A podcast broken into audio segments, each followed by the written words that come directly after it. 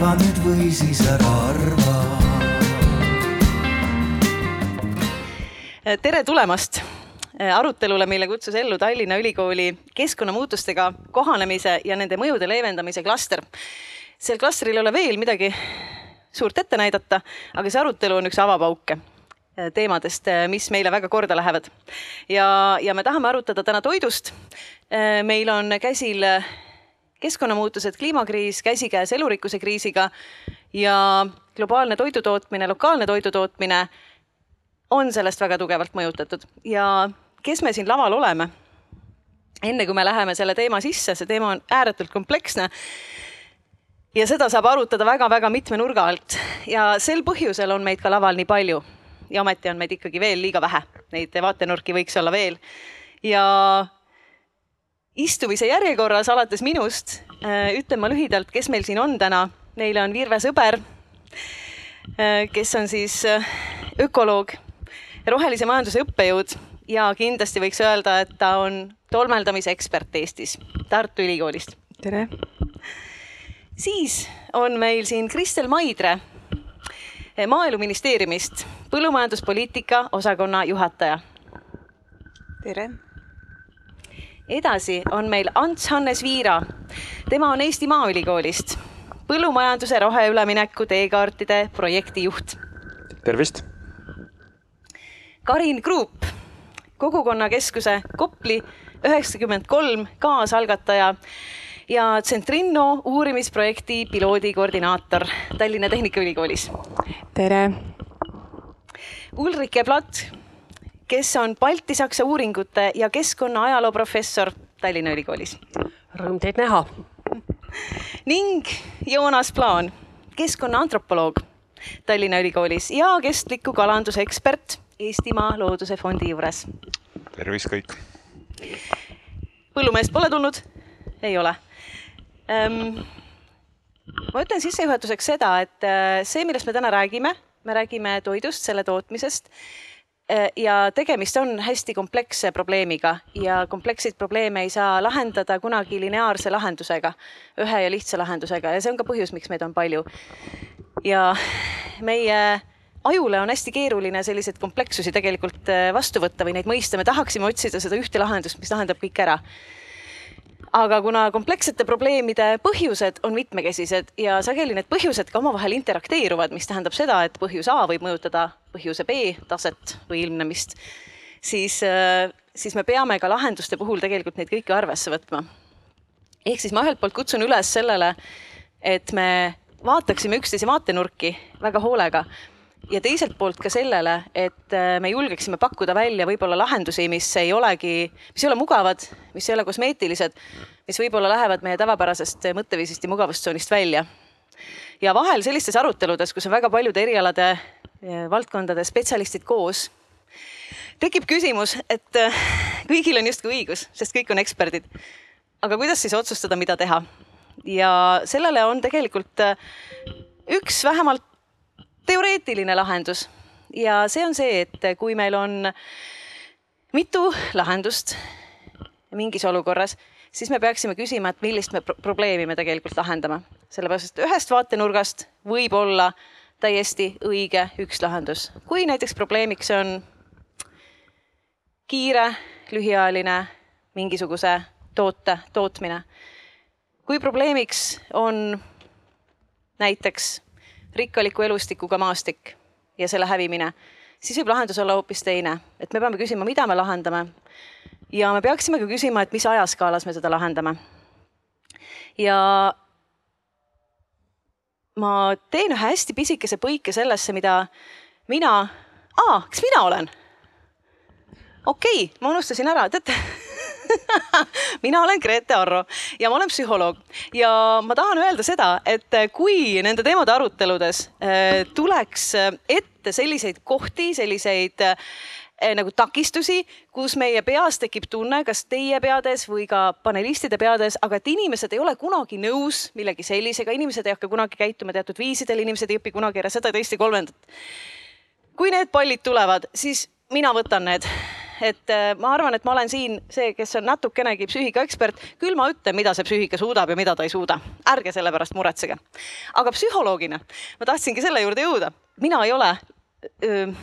mullastikuteadlane, mina ei ole ökoloog, ma ei ole bioloog. ehkki mulle väga meeldib entomoloogia, aga minu jaoks kõige põnevam, kõige huvitavam teema, mis mind hoiab ka, no võiks öelda öösiti ärkvel, on arusaam, mil, mis minuni jõudis võib-olla paar aastat tagasi ja see on see, kuidas erinevad, kuidas õieti taim saab kätte mullast toidu. ma ei tea, kui sageli me selle peale mõtleme. ja kui me mõtleme selle peale, et kui põllule langeb mingisugune materjal, mis on orgaaniline, on see sõnnik, on see, on need biojäätmed, on see varis, siis on terve hulk selgrootuid, kes seda töötavad ja siis on terve hulk seeni ja baktereid, kes tegelikult sümbioosis taimega annavad taimele mikroelemente ja saavad vastu süsivesikuid, suhkruid. milline imeline aasta miljonite kestel kujunenud süsteem. minu arust on see fantastiline. ja kui nüüd me sellesse süsteemi viime sisse keemilised väetised, küsimus on, mis juhtub kogu selle elustikuga seal ja see on küsimus meile kõigile. mis nendega seal tegelikult seejärel juhtub? aga las see küsimus jääb õhku. ma palun hoopis nüüd äh, publikul anda käega märku äh, ühes teemas, mis võiks minna meile kõigile tegelikult äh, korda. me teame, et täna planeedil on väidetavalt kolmsada nelikümmend viis miljonit inimest näljas, kuni nälgimiseni näljas. kes teie hulgast arvab, kardab et tema siin maailmanurgas, siin Eestis oma elu jooksul näeb ka uuesti näljahäda. nii nagu me nägime üheksateistkümnendal sajandil viimati. kes arvab, et näljahäda, toidunappus ja ma ei pea silmas seda, et meil läheb kahe paneeli vahel kõht tühjaks, vaid päriselt toidunappus, kellel on tunne, et see võib ka meid tabada meie eluaja jooksul ahah, ma näen kahte, näeme mm. -hmm. ja ka teie mm, -hmm. hästi. meie panelistid, ma palun teil kõigil stardiküsimusena mõelda selle peale, et sinu enda valdkonna vaatenurgast toidu tootmine globaalselt ja lokaalselt, millised on kõige suuremad mured, ohukohad riskid, mida teie oma vaatenurgast näete. ja kuna meil on siin äh, olemas ka ajaline perspektiiv Ulrikese näol, siis äkki sina tahad võtta esimesena sõna? ja tere äh, uuesti ähm,. esmalt, et ma arvan, sellised komplekssed probleemid, nagu meie siin praegu ähm, arutame tegelikult ajalugu on näinud ennegi et ühesõnaga seda, et ehm, noh, toit saab otsa, et ta satub kokku sõjaga, et kõik sellised fataalsed suured probleemid kuhjuvad. Eh, seda me oleme näinud juba varem. näiteks eh, Põhjasõja ajal, eh, viimase katku ajal, eks ju, sõda, katk ja kõik muu hädad tulevad kokku, eks ju. seda me oleme näinud. näljahädad on inimkond näinud igas otsas ja peab ütlema, et näljahädad on need asjad, mis jätavad kõige sügavamad muljed või jäljed ähm, ajaloolisem ellu. et need on need asjad, mida inimkonnad, mida inimesed, mida kehad kõige rohkem kardavad äh,. nii et see on selline täiesti allergiline reaktsioon, kui kusagil neljahäda ähvardab, siis no inimesed lähevad näos kollaseks ja, ja teevad kõik selliseid lollusi ähm, nii et probleemid on meil olnud küll. küsimus on nagu alati, mida saame ajaloost õppida. Ja eh, siin ma ütleks, et eh, ei saa midagi õppida, sest mida me saame ajaloost õppida, on eh, süüdistada teineteist. Neelata näpuga, et kes midagi valesti tegi ja vaikselt leppida sellega, teatud osa ühiskonnast, inimkonnast lihtsalt peab surema selleks, et teised elavad paremini ja küsimus on, et kas äkki meie kultuurne tase, moraalne tase on edasi jõudnud kahekümne esimesel sajandil, et me saaksime neid otsused ümber mõelda. ja ma arvan, see on kõige, kõige kriitilisem moment, et keda me tahame toita, keda me tahame, kui hästi toita. kas me oleme valmis muutusteks, mis tulevad nii ehk nii küsimus on, kui kiiresti me teeme ja kelle arvelt me seda teeme ja kas me oleme valmis selliseks moraalseks valikuks? jah, täpseltki. nii, kes võtab üle? Karin, ma näen, et mikrofon on sinu käes Äh, minu seisukoht äh, sellele huvitavale olukorrale, kus me oleme, on see, et äh, mina ikkagi siiralt kardan, et ma pean oma elu ja aja jooksul võib-olla nälga surema või nägema, kuidas sõbrad või perekonnad või naabrid lähevad toidu pärast omavahel kisklema, et minu jaoks see on väga reaalne probleem ja ongi küsimus, et ei ole enam, kui hästi me elame, vaid on lihtsalt elu ja surma küsimus mm. -hmm. ja, kas sa annad edasi Antsule jah, et ausalt öeldes, kui puhtalt nagu võtta põllumajandustootmise või toidu tootmise seisukohast, et siis ma arvan, et see näljahäda meid otseselt äh, nendel põhjustel ei taba lähiajal, et, et pigem need põhjused on seotud äh, mingisuguste muude suurte ühiskondlike protsesside ja, ja, ja hädadega nagu sõda või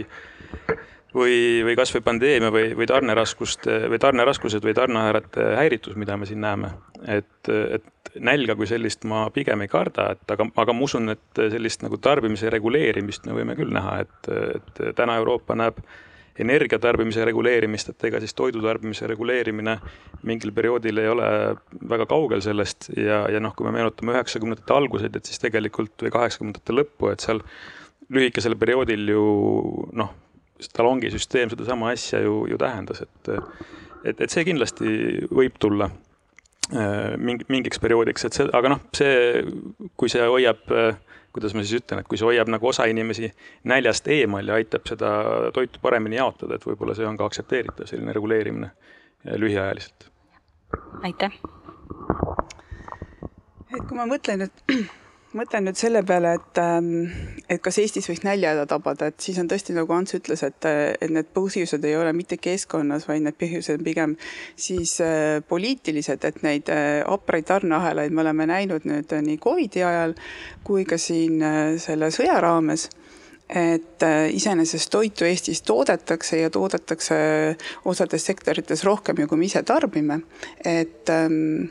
et ma nagu väga ei karda seda, et meil, et ma, kui me seda tootmisega jätkame nii, nagu meil on, et meil otsa saaks, et mis meie toidutootmist võib-olla kohke, kõige rohkem siis võiksid äh, mõjutada, on just äh, kliimamuutuste küsimus, et meil on täna, on meil hästi ilus ja soe ilm. kui see ilm oleks meil seal mai lõpus saadik selline olnud, et siis meil tõenäoliselt äh, sellist äh, toodangut, nagu me sellel aastal eeldatavasti saame, ei oleks, et need äh, ilmastikutingimused ongi olnud äh, kõige suuremad meie eh, tootmise mõjutaja, mõjutajad siin viimastel aastatel. selge, Virve? mina toetaksin Antsu ja Kristelit selles, et, et Eesti, konkreetselt seda geograafilist piirkonda, kus meie elame, lähimatel aastakümnetel äh,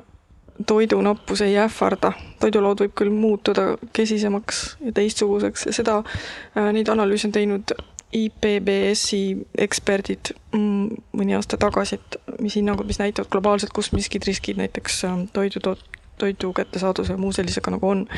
aga ma tooks selle küsimuse, teeks selle küsimuse natuke suuremaks, et mm, ma olen küll ökoloog, aga ma sõnastaks selle probleemi sellisest inimkesksest lähtekohast, et meil on nagu vaja ära toita kõik need inimesed, kes meil praegu maa peal elavad ja kes tulevikus sünnivad seda on ühest küljest. Ja teisest küljest on meil vaja toota seda toitu niimoodi, et äh, püsiks alles ka ökosüsteemi see osa, mis meid elus hoiab, ehk siis kõik see, kõik see osa loodusest, mille toimimine on äh, nähtamatu, kuuldamatu ja tegelikult see suur osa loodust ka liigub niimoodi ringi, et me nagu ei adu neid protsesse nii hästi, ma pean siis silmas seda, et meil oleks olemas mullad, et meil oleks õhk ja puhas vesi. ja nüüd tagasi tulla lokaalse konteksti juurde, siis Eestis ikkagi mm, on OECD raport aastast kaks tuhat kolmteist, mis näeb ette seda, et see mure, mis meil võib toidutootmisega tulla ja, ja inimeste tervise ja heaoluga on äh, magevee nappus, puhta magevee nappus, pinnavee nappus, et see on nagu äh, kriitiline asi. ja kui me võtame siia juurde selle, et meie põhjavee seisund ei ole nagu kõige parem, meil on päris palju mm, selliseid äh, agrokemikaalide jääke seal, pestitsiidide jääke, üle normi näitajaid on ka tublisti, et siis see on küll nagu tõsine probleem. Virve, kas sa saaksid korra korrata, et mis oli see ajaraamistik, mille jooksul meid näljahäda ei ähvarda? ma väga täpselt ei mäleta, aga ma kahtlustan, et see oli ikkagi lähemad aastakümned, et minu meelest need prognoosid nagu väga pikemale ajale ei ulatanud. aga see oli mõeldud, ütleme, seal oli minu meelest lähtutud, kui nüüd mälu ei peta, sellest, et et meil veel on, eks ju, mulda ja vett. see ei arvestanud, ma arvan, kõiki neid sotsiaalseid ähm, turbulentse, mis võivad tulla ja asju mõjutada. ma tahaksin ikkagi rõhutada, et tegelikult me keegi ei tea, mis saab, et ennustamine on täiesti tänamatu töö siin alguses oli, korra kommenteerin, et äh, alguses oli tunne, et oh, et noh, paarkümmend aastat, et mis ära ei ole, aga siis ma mõtlesin, et mul on siis pool elu veel ees, et äh, tegelikult ikkagi see ei lohutanud mind, et, et siis pidu kestab ja üks päev saab läbi, ikkagi on selline tunne. Joonas, kala, kalavaatenurk. ja, ja praegu pigem jääb niisugune positiivne tunne või optimistlik tunne, et siiski kõht tühjaks ei jää ja, ja minu roll tõesti jääb siis see, nagu see mere poole pealt vaadata, et mõned aastad tagasi oli üks äh, küllaltki populaarseks saanud dokumentaalfilmis jäi kõlama lause, et, et kui me samamoodi jätkame, siis mered, ookeanid püütakse kaladest tühjaks, et seda ma ei karda. Äh, ma usun, et nii Läänemerre kui ka maailma ookeanidesse siiski kala jääb alles, küll aga olen üpriski kindel, kui me samamoodi jätkame, siis äh, mõned väga olulised liigid kaovad ära lihtsalt meie vägagi kehvas seisundis olevast äh, Läänemerest. Äh, juba praegult meie rannikumerest on osa liike niimoodi kadunud, et meie mäludes nad enam ei ole sellised kui toidukala, näiteks tursk. veel kolmkümmend aastat tagasi eestlased püüdsid kümneid tonne turska ja see oli tüüpiline kala meie toidulaual. täna ma usun, et väga paljud inimesed seda igapäevaselt ei söö. et see on suur risk, me, me näeme elurikkuse kaotust äh, mitte ainult meres, aga ma usun ka maa peal äh, aina rohkem sellist monokultuurset äh, toidu tarbimist ja see saab võib-olla siis ka olema niisugune paljude arvates võib-olla ka mingi teataval määral lahendus võib-olla sellele toidukriisile, et kasvatame veel rohkem monokultuure, on see siis meres, avamere kasvatustes või siis põllumaal jah, ja jätan õhku korra küsimuse, kas see on siis pika perspektiivi lahendus või, või lühemaajalise. Ants Hannes. ja nii, loodan, et see mikrofon töötab. et äh, ei, tõsi jah, et see, seda optimistlikku vaadet me pakkusime suhteliselt lühiajaliselt ja suhteliselt nagu Eesti-keskselt, natukene sulgedes silmad äh, selle ees, mis maailmas äh, toimuma hakkab või noh, mis protsessid seal käivad. et tegelikult, äh, kui see toidukriis siin või noh, mitte toidukriis, vaid kui sõda algas veebruaris, et ja, ja tekkis see hirm, et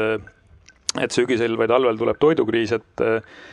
et siis korraks sai vaadatud tagasi, et mis on kahekümne, kolmekümne aastaga nagu juhtunud maailmas, et rahvastik on kasvanud tegelikult kuskil kahe miljardi võrra, põllumajandusmaa on selle aja jooksul vähenenud kolm protsenti ainult siiski, aga noh, see tähendab, et iga hektar peab ikkagi järjest rohkem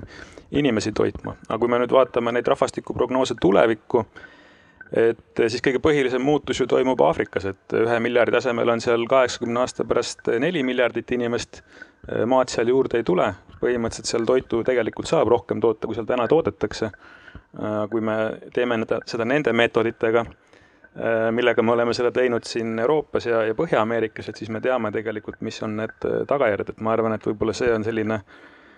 suuremas pildis üks, üks põhilisemaid nagu väljakutseid, mis tegelikult võib hakata ühel hetkel ka meid siin mõjutama, et, et me ei noh, selles mõttes ei tohi jah, nagu liiga mugavalt nagu lähtuda sellest positsioonist, et me oleme saar ja kaitstud ja küll meil on siin hea loodus ja, ja palju maad ühe inimese kohta mm. -hmm. et kui näljahäda võib minna globaalselt väga suureks, siis see imepisike lapp, kus me elame,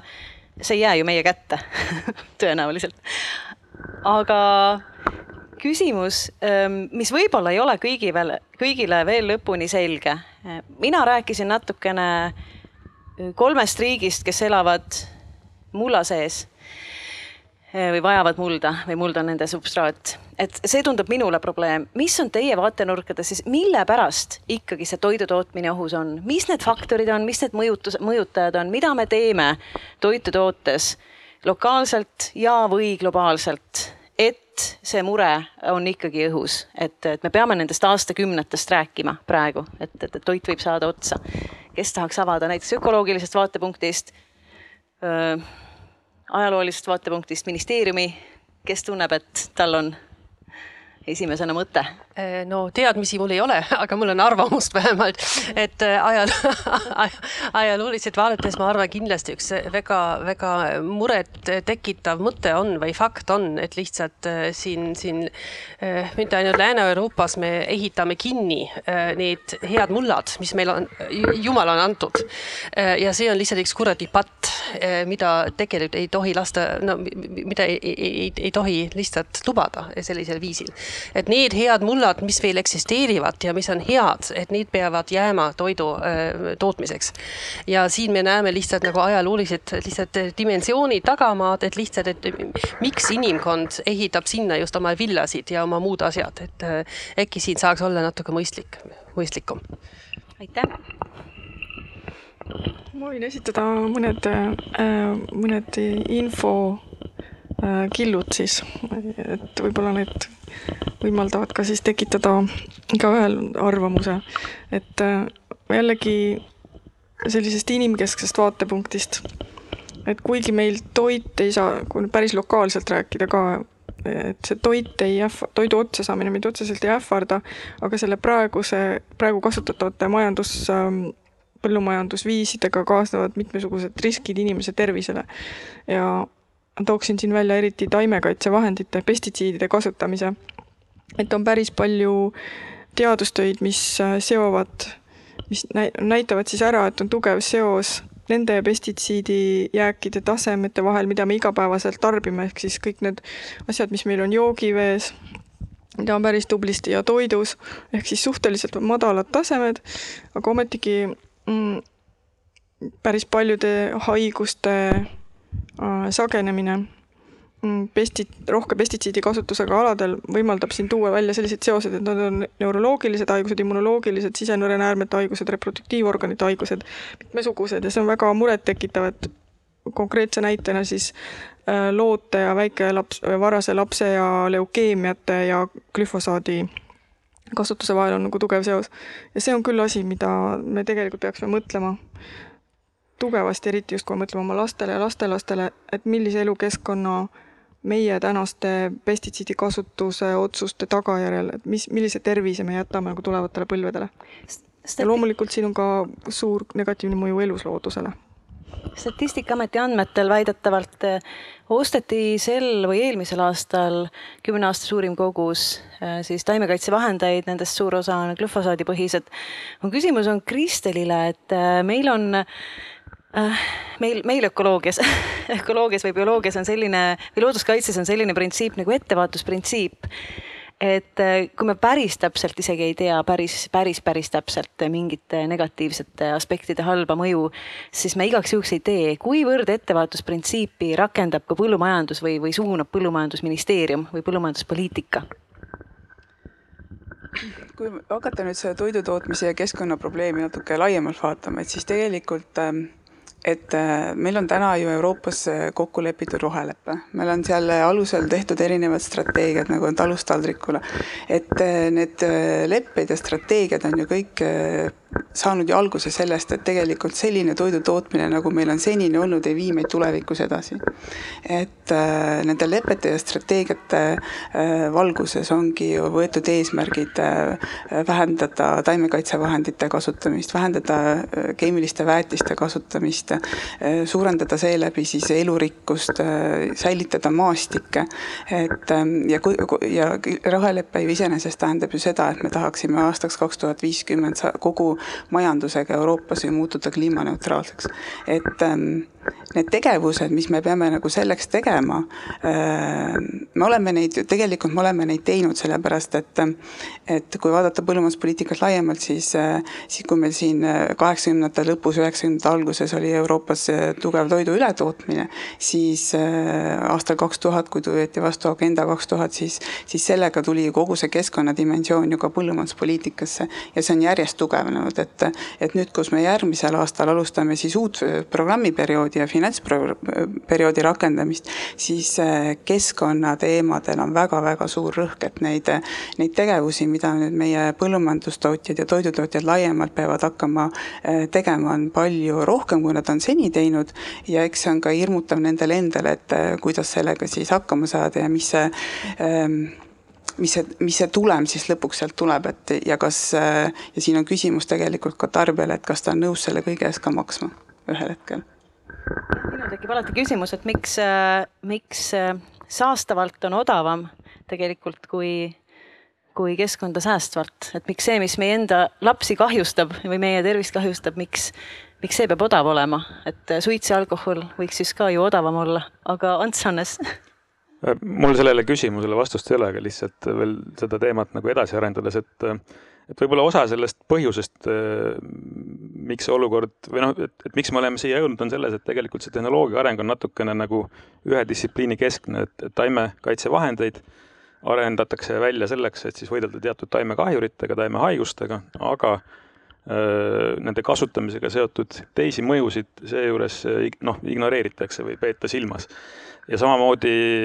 ma, a la, et otsekülvitehnoloogia näiteks on väga tore mulla seisukohast, aga kui sellega kaasneb äh, glüfosaadi kasutamine, noh, mis sageli tegelikult äh, on praktika, et siis summa summarum võib-olla see ei olegi kõige parem äh, tulemus.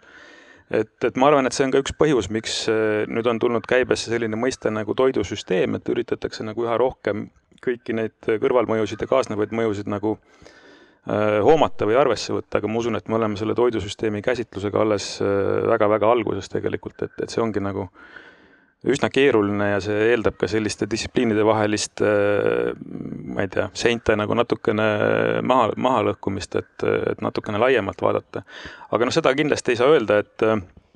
et, et see kõik kuidagi reguleerimata oleks, et tegelikult ju tavaliselt eelnevad, on eelnenud mingisugused katsed, lepitakse kokku mingisugused piirmäärad ja nii edasi, et, et võib-olla mis on nagu öö, tegemata jäetud, on, on just nende pikaajaliste mõjude, koondmõjude nagu analüüs või et, et kui need jäägid kuhjuvad keskkonnas, et, et mis siis see nagu tähendab meie elukeskkonnale ja tervisele, et, et, et pigem need ma eeldan, ma ei tea, et ma eeldan, et need analüüsid pigem nagu käsitlevad seda, et, et kui me kasutame ühel kasvuperioodil teatud preparaate teatud koguses, et siis need jäägid äh, toodetes on äh, piisavalt väikesed, et need otseselt ohtu ei kujuta, aga nüüd need pikaajalised mõjud, et need jäägid jäävad tegelikult keskkonda, et, et neid tõenäoliselt ei ole nagu piisavalt arvesse võetud no, kõik tahavad midagi öelda. ma võin kommenteerida kohe, kuidas pestitsiide kasut-, kasutada, kasut-, kasutusload nagu saavad, et seal on nagu väga palju probleeme, väga sisulisi probleeme, üks on näiteks see, et tihtilugu tehakse need ohutuskatsed näiteks puhta toimeainega, näiteks glüfosaadi puhul, aga päriselt kasutatakse glüfosaadi preparaate mingisuguse soolana ja lisatakse veel muidki aineid, mis seda imendumist suurusjärkude võrra nagu suurendavad et see on üks asi, siis äh, see, Ants, mis sa välja tõid pikaajaliste mõjude mittehindamise kohta, see on ka kõik nagu tõesti, täpselt nii ongi, et neid ei hinnata nagu üldse, et need laborikatsed on väga, need on niivõrd puudulikud, et see on lihtsalt hämmastav. ja äh, mis ma tooksin ühe hea positiivse sellise tulevikunoodina on just see, mis Kristel, sina ütlesid, et need osad uued asjad, mis tulevad, näiteks see taime, säästva taimekaitsevahendite kasutamise määruse eelnõu, kui ma nüüd selle nime õigesti ütlesin, et seal on selline tore eesmärk, et vähendada pestitsiidi kasutust aastaks kaks tuhat kolmkümmend viiskümmend protsenti võrreldes siis paari aasta taguse keskmisega kasutusega, mis oli ka küllaltki suur, aga ikkagi see on nagu päris hea eesmärk, et kui me, me nagu sinna jõuaksime, et siis see oleks küll nagu tohutu suur samm inim-, inimese ja looduse tervise heaks. Ja hin-, üks, üks pisike kommentaar, et kui me hindame, äh, ei ole isegi hinnanud neid pikaajalisi mõjusid, aga kas, kui mõelda, et inimene tõenäoliselt päevas ei söö seda mõõdetavat ühikut, vaid rohkem, et ta saab eri toiduainetega ju komplekti või kokteili. et palun publik, andke käega märku, keda huvitaks see teadmine, et sinu hommikusest esimesest toidupalast õhtu viimaseni ja see, mida sööb su laps, et me teaksime tegelikult, mis ained seal on, mis on nende kompleksne mõju kogu sinu toidulaual oleva toidu kompleksne mõju, mitte ühe aine mõju ühes ühikus. ja mis on selle pikaajaline mõju, kes tahaks teada, kes tahaks, et siuksed uuringud oleksid olemas ma näen tellimust. nii, kes seal fotofiniš, kes kelle kord? mina tahtsin veel jah tuua siia veel juurde lisaks sellele ajalisele mõõtmele, selle ruumilise mõõtme ka, et me justkui räägime, et see noh, mure on seal põllumaal, kus siis kasutatakse siis pestitsiide, aga ka väetiseid, üleliigne keemiliste väetiste kasutus, aga ka loomsete väetiste kasutus mõjutab tegelikult kogu elukeskkonda ja me vaatame seda ikkagi ökosüsteemi põhiselt, et noh, Tallinna ümbrus, Tallinnas on väga palju kanalisatsiooniluukide ümbras on, on, on tehtud väike sihuke graffiti, et meri algab siit, tegelikult meri algab sealt põllumaa pealt ja ja, ja, ja see kõik on omavahel seotud ja, ja mitte ei mõjutanud meie lapsi, meid ennast, kes me sööme seda toitu, aga kõiki teisi elusolendeid, kes elavad nii meres kui ka, ka metsas seal põllumaa lähedal. ja, ja mõeldes sedapidi, siis, siis tegelikult oma käitumisega me ei mõjuta mitte ainult enda tervist, vaid äh, kõikide ümber olevate loomade ja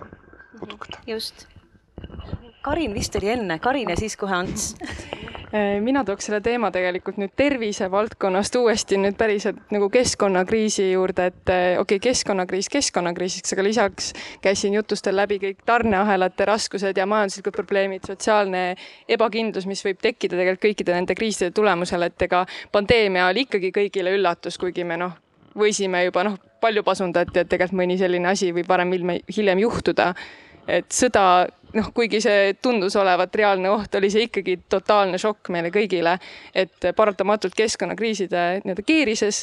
äh, nende kriiside sagenemise tõenäosus suureneb, nagu ajaloost on näha, need kõik alati kuhjuvad ja need on kõik alati noh, täisüllatus. mina kardan kõige rohkem seda, et need tarneahelad hakkavad üks hetk niimoodi murenema, et jah, me räägime, et mis, mis doosides ja kogustes mingisuguseid mürke põllu peale võib panna või mitte panna, aga ma kardan seda, et üks hetk mitte ühtki väetist, mis on oluline mingil teatud hetkel, et jõuaks kohale, enam ei jõua kohale ja samas, samasugused meetodid enam ei tööta. ja okei okay,, me saame veel praegu kümme, viisteist, võib-olla isegi kakskümmend aastat samamoodi edasi minna, aga siis tuleb see totaalne nagu probleemide ja kriiside keeris jõuab kohale ja me oleme mulla täiesti ära rikkunud selle aja peale, et me näeme ju Lääne-Euroopas, kui me oleme niisugust tavapärast praktikat kasutanud, ongi jõutud sinnamaale oma mullaga, näiteks just Inglismaal, kus ei saagi enam niisuguste pestitsiidide toel enam mitte midagi tehtud, taastapõllumajandus on ainuke lahendus. et kui meil on tohutud probleeme, raha on otsas, kriisid on kõik ukse taga, vajavad lahendamist ja siis hakata oma toidusüsteemi nii-öelda renoveerima, et see tundub nagu väga halb lahendus, väga ohtlik. väga hea, aitäh, Ants Hannes. no ühesõnaga jah, siin on nagu tegelikult mitu asja nüüd käis läbi, et ma loodan, et ma liiga pikalt ei räägi, et, et äh, üks häda tegelikult on see, et me siiski, ma arvan, et ei tea piisavalt hästi, milliseid praktikaid me Eestis kasutame ja milliseid äh, erinevaid äh, kemikaale või väetisi me kasutame, et tegelikult taimekaitsevahendite kasutamise uuringud teeb Statistikaamet küsitluse teel kord viie aasta jooksul, viimati vastas sellele kuskil kakssada põllumeest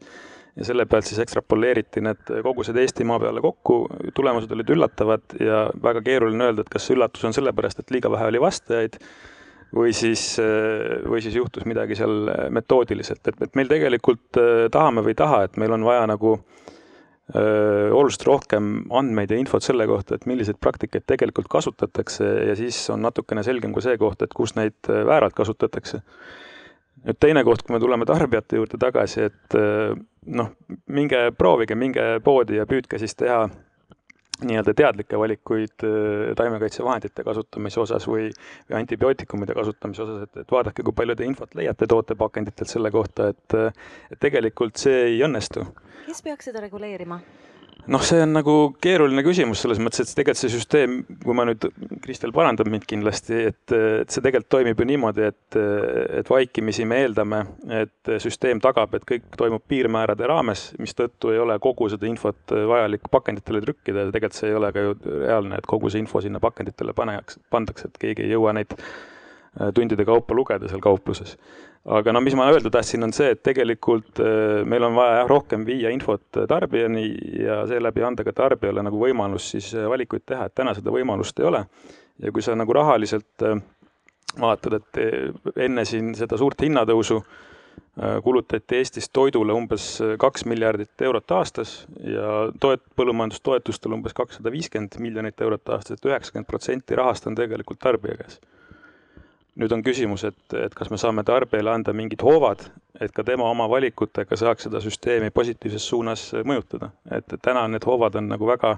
limiteeritud ma tahaks muidugi õudselt küsida, et mis hoobasid tarbija ise tajub oma kätes, aga see läheks liiga pikaks. ütlen ka korra vahele kiirelt, enne kui ma annan sõna Ulrike, äh, Kristel ja Karin, ütlen kiirelt, et kui meil on küsimustik, millele vastamine on, et need, kes ise tahavad, selle nimi on self-selection bias või et see on nii-öelda kallutatus selle suunas, kes arvavad, et minule on okei okay seda vastata ja see valim ei pruugi olla tegelikult kõige, kõige parem tingimata. Ulrike ja tahaks veel lisada seda, millest me praegu veel ei ole rääkinud, et äh, mind väga paneb muretsema see fakt, et ähm, see meie toorainete valik, eks ju, kui me mõtleme, et mis äh, globaalselt, mida globaalselt me sööme, eks ju, on öeldud, et äh, tegelikult enamus, millest me toitume, seisneb nagu alla kümnest taimsest, mingi taimest ja mingi alla viiest loomast tegelikult. ja nendele on kõik see ähm, pestitsiidid, herbitsiidid ja nii edasi ka suunatud. nii, et see ei ole hea riskikäitumine ja siin on, siin on täpselt see konks ka, kus tarbijal on tohutu palju võimalusi, kui me igaüks õppisime ära selle noh, viimase ehm, suvekuu jooksul, et ehm, süüa midagi maitsvat mingi muust asjast, mis ei ole nagu see etteantud stamp vaid midagi muud. Eh, et ma arvan, mida rohkem me, me, me suudaksime seda meie toidulauda laiendada, eh, seda kindlam oleks meie tulevikusüük ja seda nii väikses Eestis kui ka globaalselt.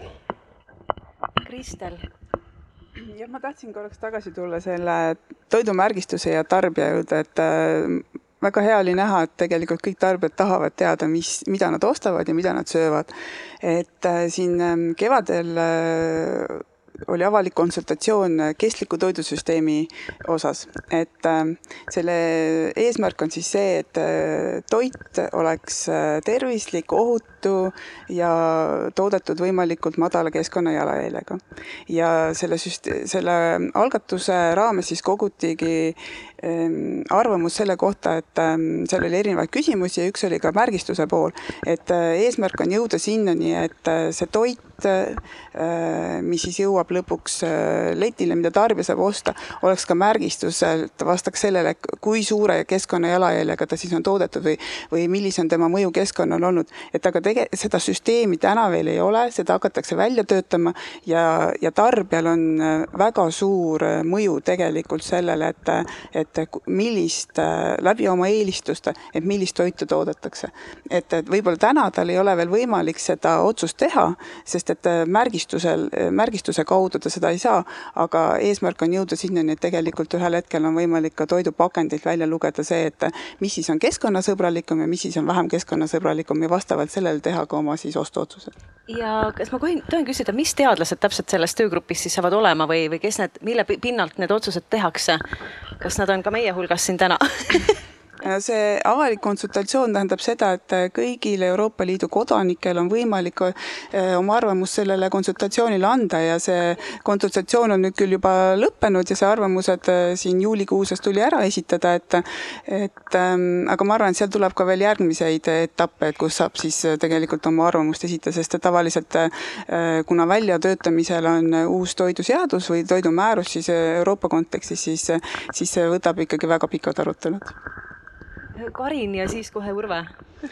Äh, kuulates seda kõikisuguste määruste ja igasuguste uuenduste ja arengute juttu, et noh, ühest küljest tekib niisugune rahulik tunne, et noh, kõik ikkagi läheb paremaks, aga samas niisugune ühiskonnateaduste taust annab mulle selle info, et äh, ühiskonnad ja üldiselt tsivilisatsioonid arenevadki alati selles suunas, et äh, keerukus kogu aeg kasvab. et kõiki neid seadusi, kõiki neid määrusi, neid reegleid, neid sedelikesi toidusildi peal see, kuidas me toitu kätte saame, kust see tuleb, kogu see süsteem läheb alati ainult järjest keerulise, nagu keerulisemaks ja keerukamaks. ühiskonnal on selline asi nagu ka overhead ehk siis ühiskonda üleval pidada, selleks kulub ka ressurssi.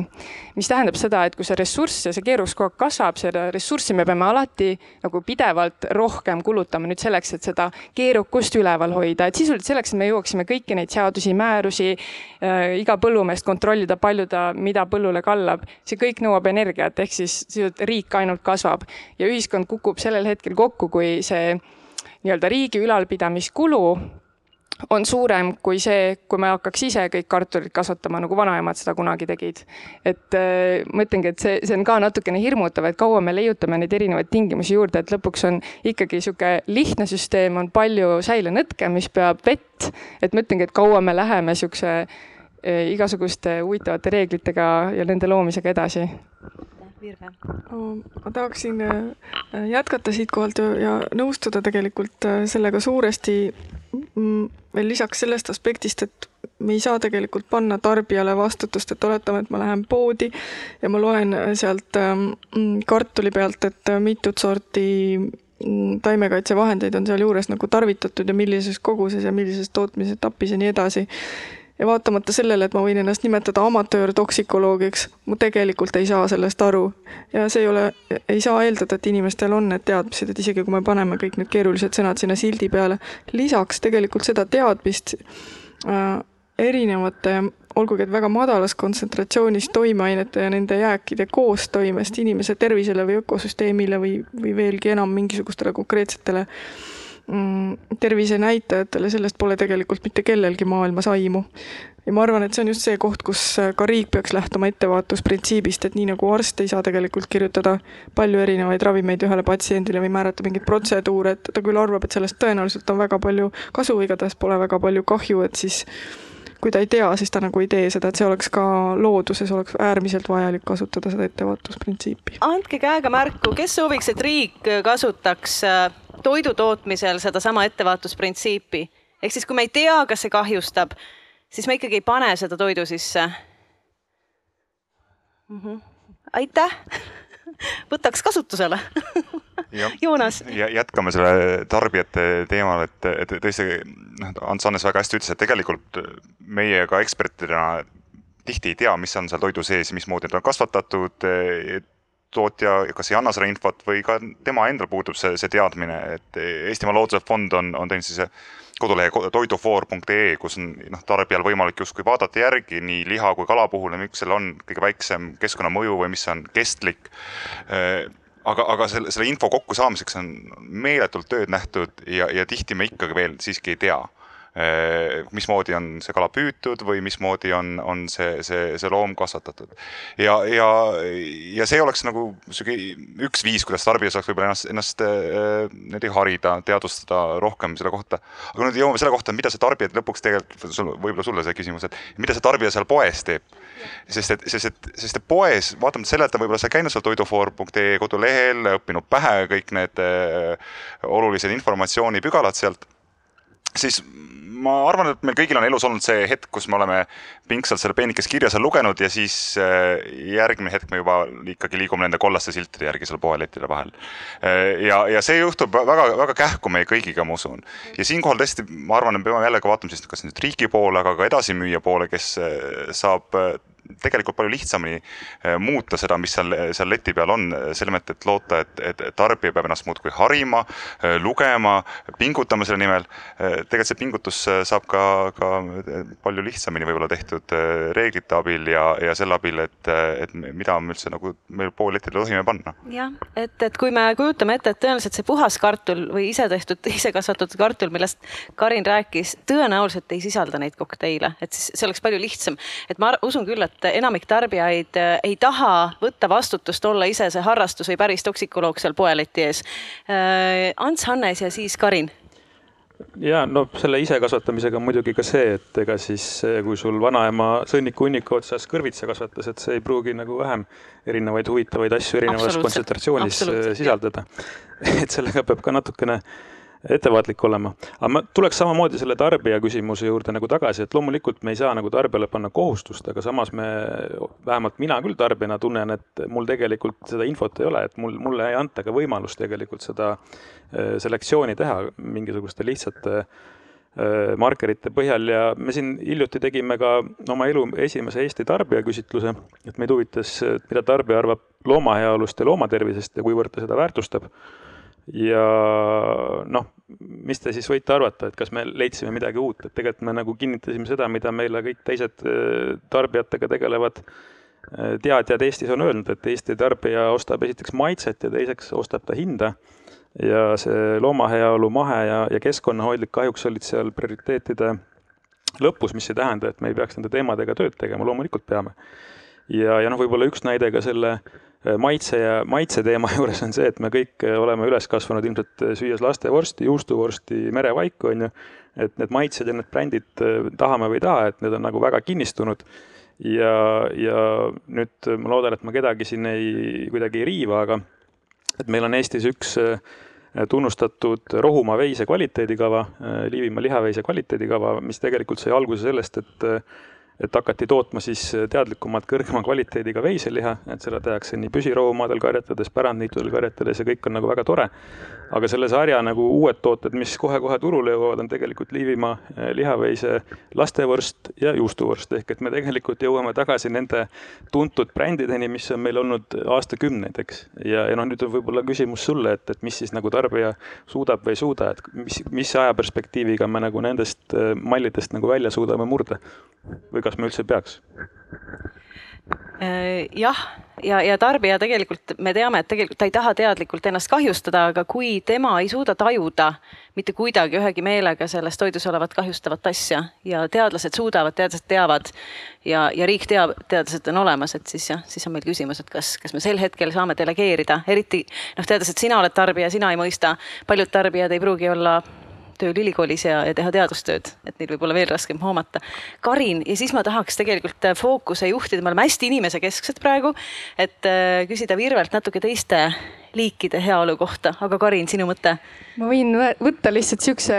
huvitava sisuga, et olete, et noh, mina olen sihuke nooremapoolne, proovin, noh, ma ei ole õppinud ühtegi loodusteadust, aga ma olen selline keskmine tarbija, kes on lihtsalt noh, mõelnudki, et toit võiks olla tervislik ja võiks olla keskkonnasõbralik võiks olla, ma ei tea, toetada Eestit, seda meie kultuuri, elu siin. et noh, mina olen ennast segaseks õppinud siis kõikide, kõikvõimalike sedelikest erinevate toidutootmisviiside osas ja ka tervise aspekti juurest, et okei okay,, et ma olen jõudnud sinnamaale, et ma olen nõus toidu eest maksma ükskõik mis hinda, sest ma tean, ma kardan, mis, mis mõju on pestitsiididel, mis mõju on sellel mullastikule.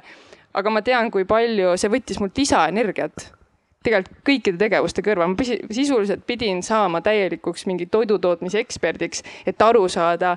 millist toitu poes osta, me ei saa oodata, et inimesed kuidagi ise õpivad ja hakkavad seda kunagi valima, et see on lihtsalt liiga keeruline, liiga keeruline ülesanne ja samm, samm edasi on veel, et millal nad hakkavad mõtlema selle peale, et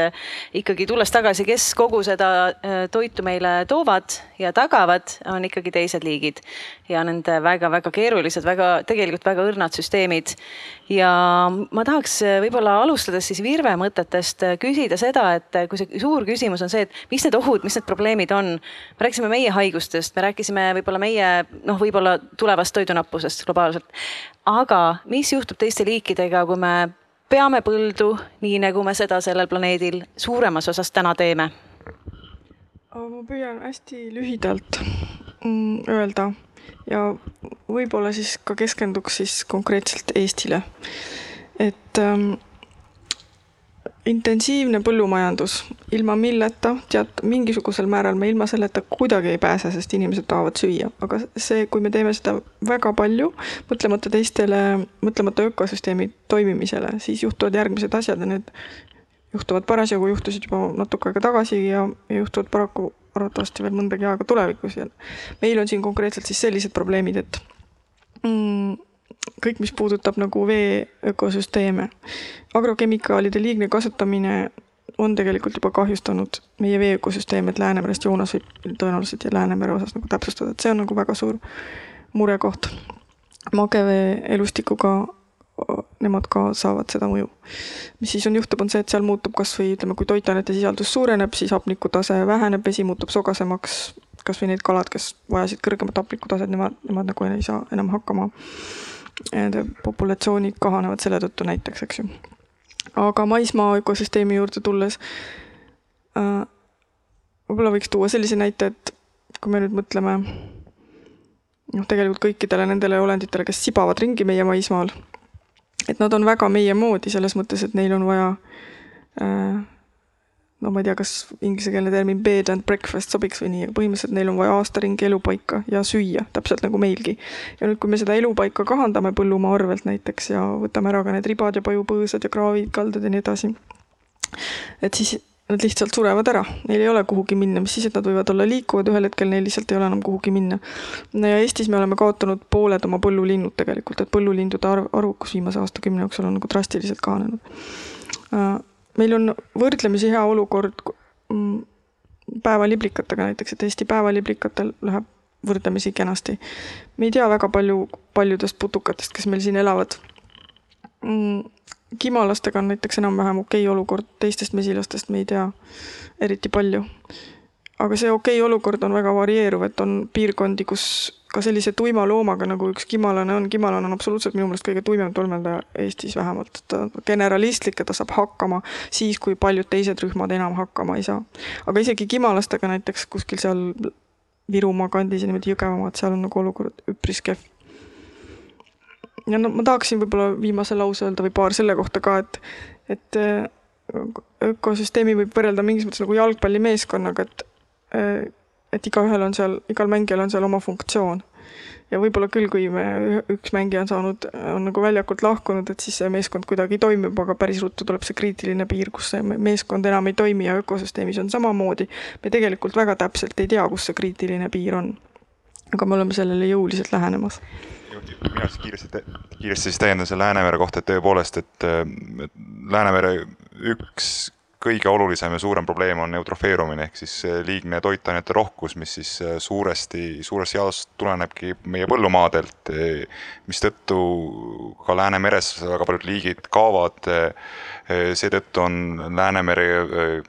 keskosas, avaosas on suur hapnikuvaene piirkond, mis mõjutab väga selgelt juba mainitud turska, aga ka eestlaste ühte meeliskala lesta. et siin põhjarannikul, kus on see veevahetus palju aeglasem, ma usun, et juba aastakümneid ei ole seda lestasid leitud ja aina vähem ja vähem ka tegelikult Hiiumaa ja Saaremaa rannakalorid seda oma, oma võrgus leiavad, et see on nagu üks näide sellest Äh, mismoodi me kasvatame toitu, äh, kas näiteks siin Jõgevamaal, mõjutab seda, mismoodi äh, elatub Hiiu rannakalur ja, ja sööb siis turist Tallinnas. Ma ei taha kogu maailma ängi nuhelda Maaeluministeeriumi kaela aga ma tahaks küsida, et seesama teema, et põllulind, pooled põllulinnud, isegi kimalase, kes on tuim tükk, halb käekäik. Et äh, ma usun, et me teame, mis on nende roll toidu tootmises, et äh, linnud on, on mul õigus, et ta võivad, ta võib olla põllukahjurit, kahjurite looduslik vaenlane või? seda küll jaa, aga nüüd, mis mm, noh, ma ütleks, et kak-, laias laastus on meil, meie ülesanne on ikkagi see, et me tahame ökosüsteemilt seda, et me saaksime toota seal oma toidu ja me tahame seda, et meil jääks alles see elurikkus, sellepärast et see puhverdab kliimamuutuste mõju. Eh, ja meil on väga palju majandusvaldkondi, mis tegelikult sõltuvad ka loodusest, et miks siis neid nagu alla suruda ja nii edasi, aga kui nüüd võtta ka puhtalt nagu ei, me ei pea olema nii antropotsentristlikud, nagu ma olen täna kogu aeg olnud, et tegelikult võib-olla on ka mingisugune moraal ja eetika, mis äh,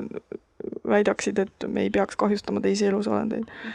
et nagu neil on nagu need kaks aspekti et äh, ma, ma tahaks öelda, et Eestis vähemalt enamus põllumajanduses tar-, kasutat-, kasvatatavatest saakidest tegelikult ei sõltu tolmeldajatest ja samamoodi need putuk kahjuritõrjujate roll võib-olla päriselt kahjuritõrjes jääks igal juhul niivõrd madalaks, et see põllumeest nagu ei rahuldaks, et siin on nagu sellised aspektid. jah, et, et seega, kas võib-olla ma saingi juba Virvelt endalt vastuse, et mida ma mõtlesin, et kas, et äh, kuna Kristel kirjeldaski seda uut äh, nagu põllumajanduspoliitikat, mis meid ootab, et äh, kas on lootust, et see nüüd keskendub ka elurikkuse nii-öelda selles mõttes teiste liikide heaolule põllumajanduses, et kas see on nagu teema, kas me tahame neid tagasi, kas me tahame neid tingimusi tagasi või kuidas sina seda näed ministeeriumi poolelt?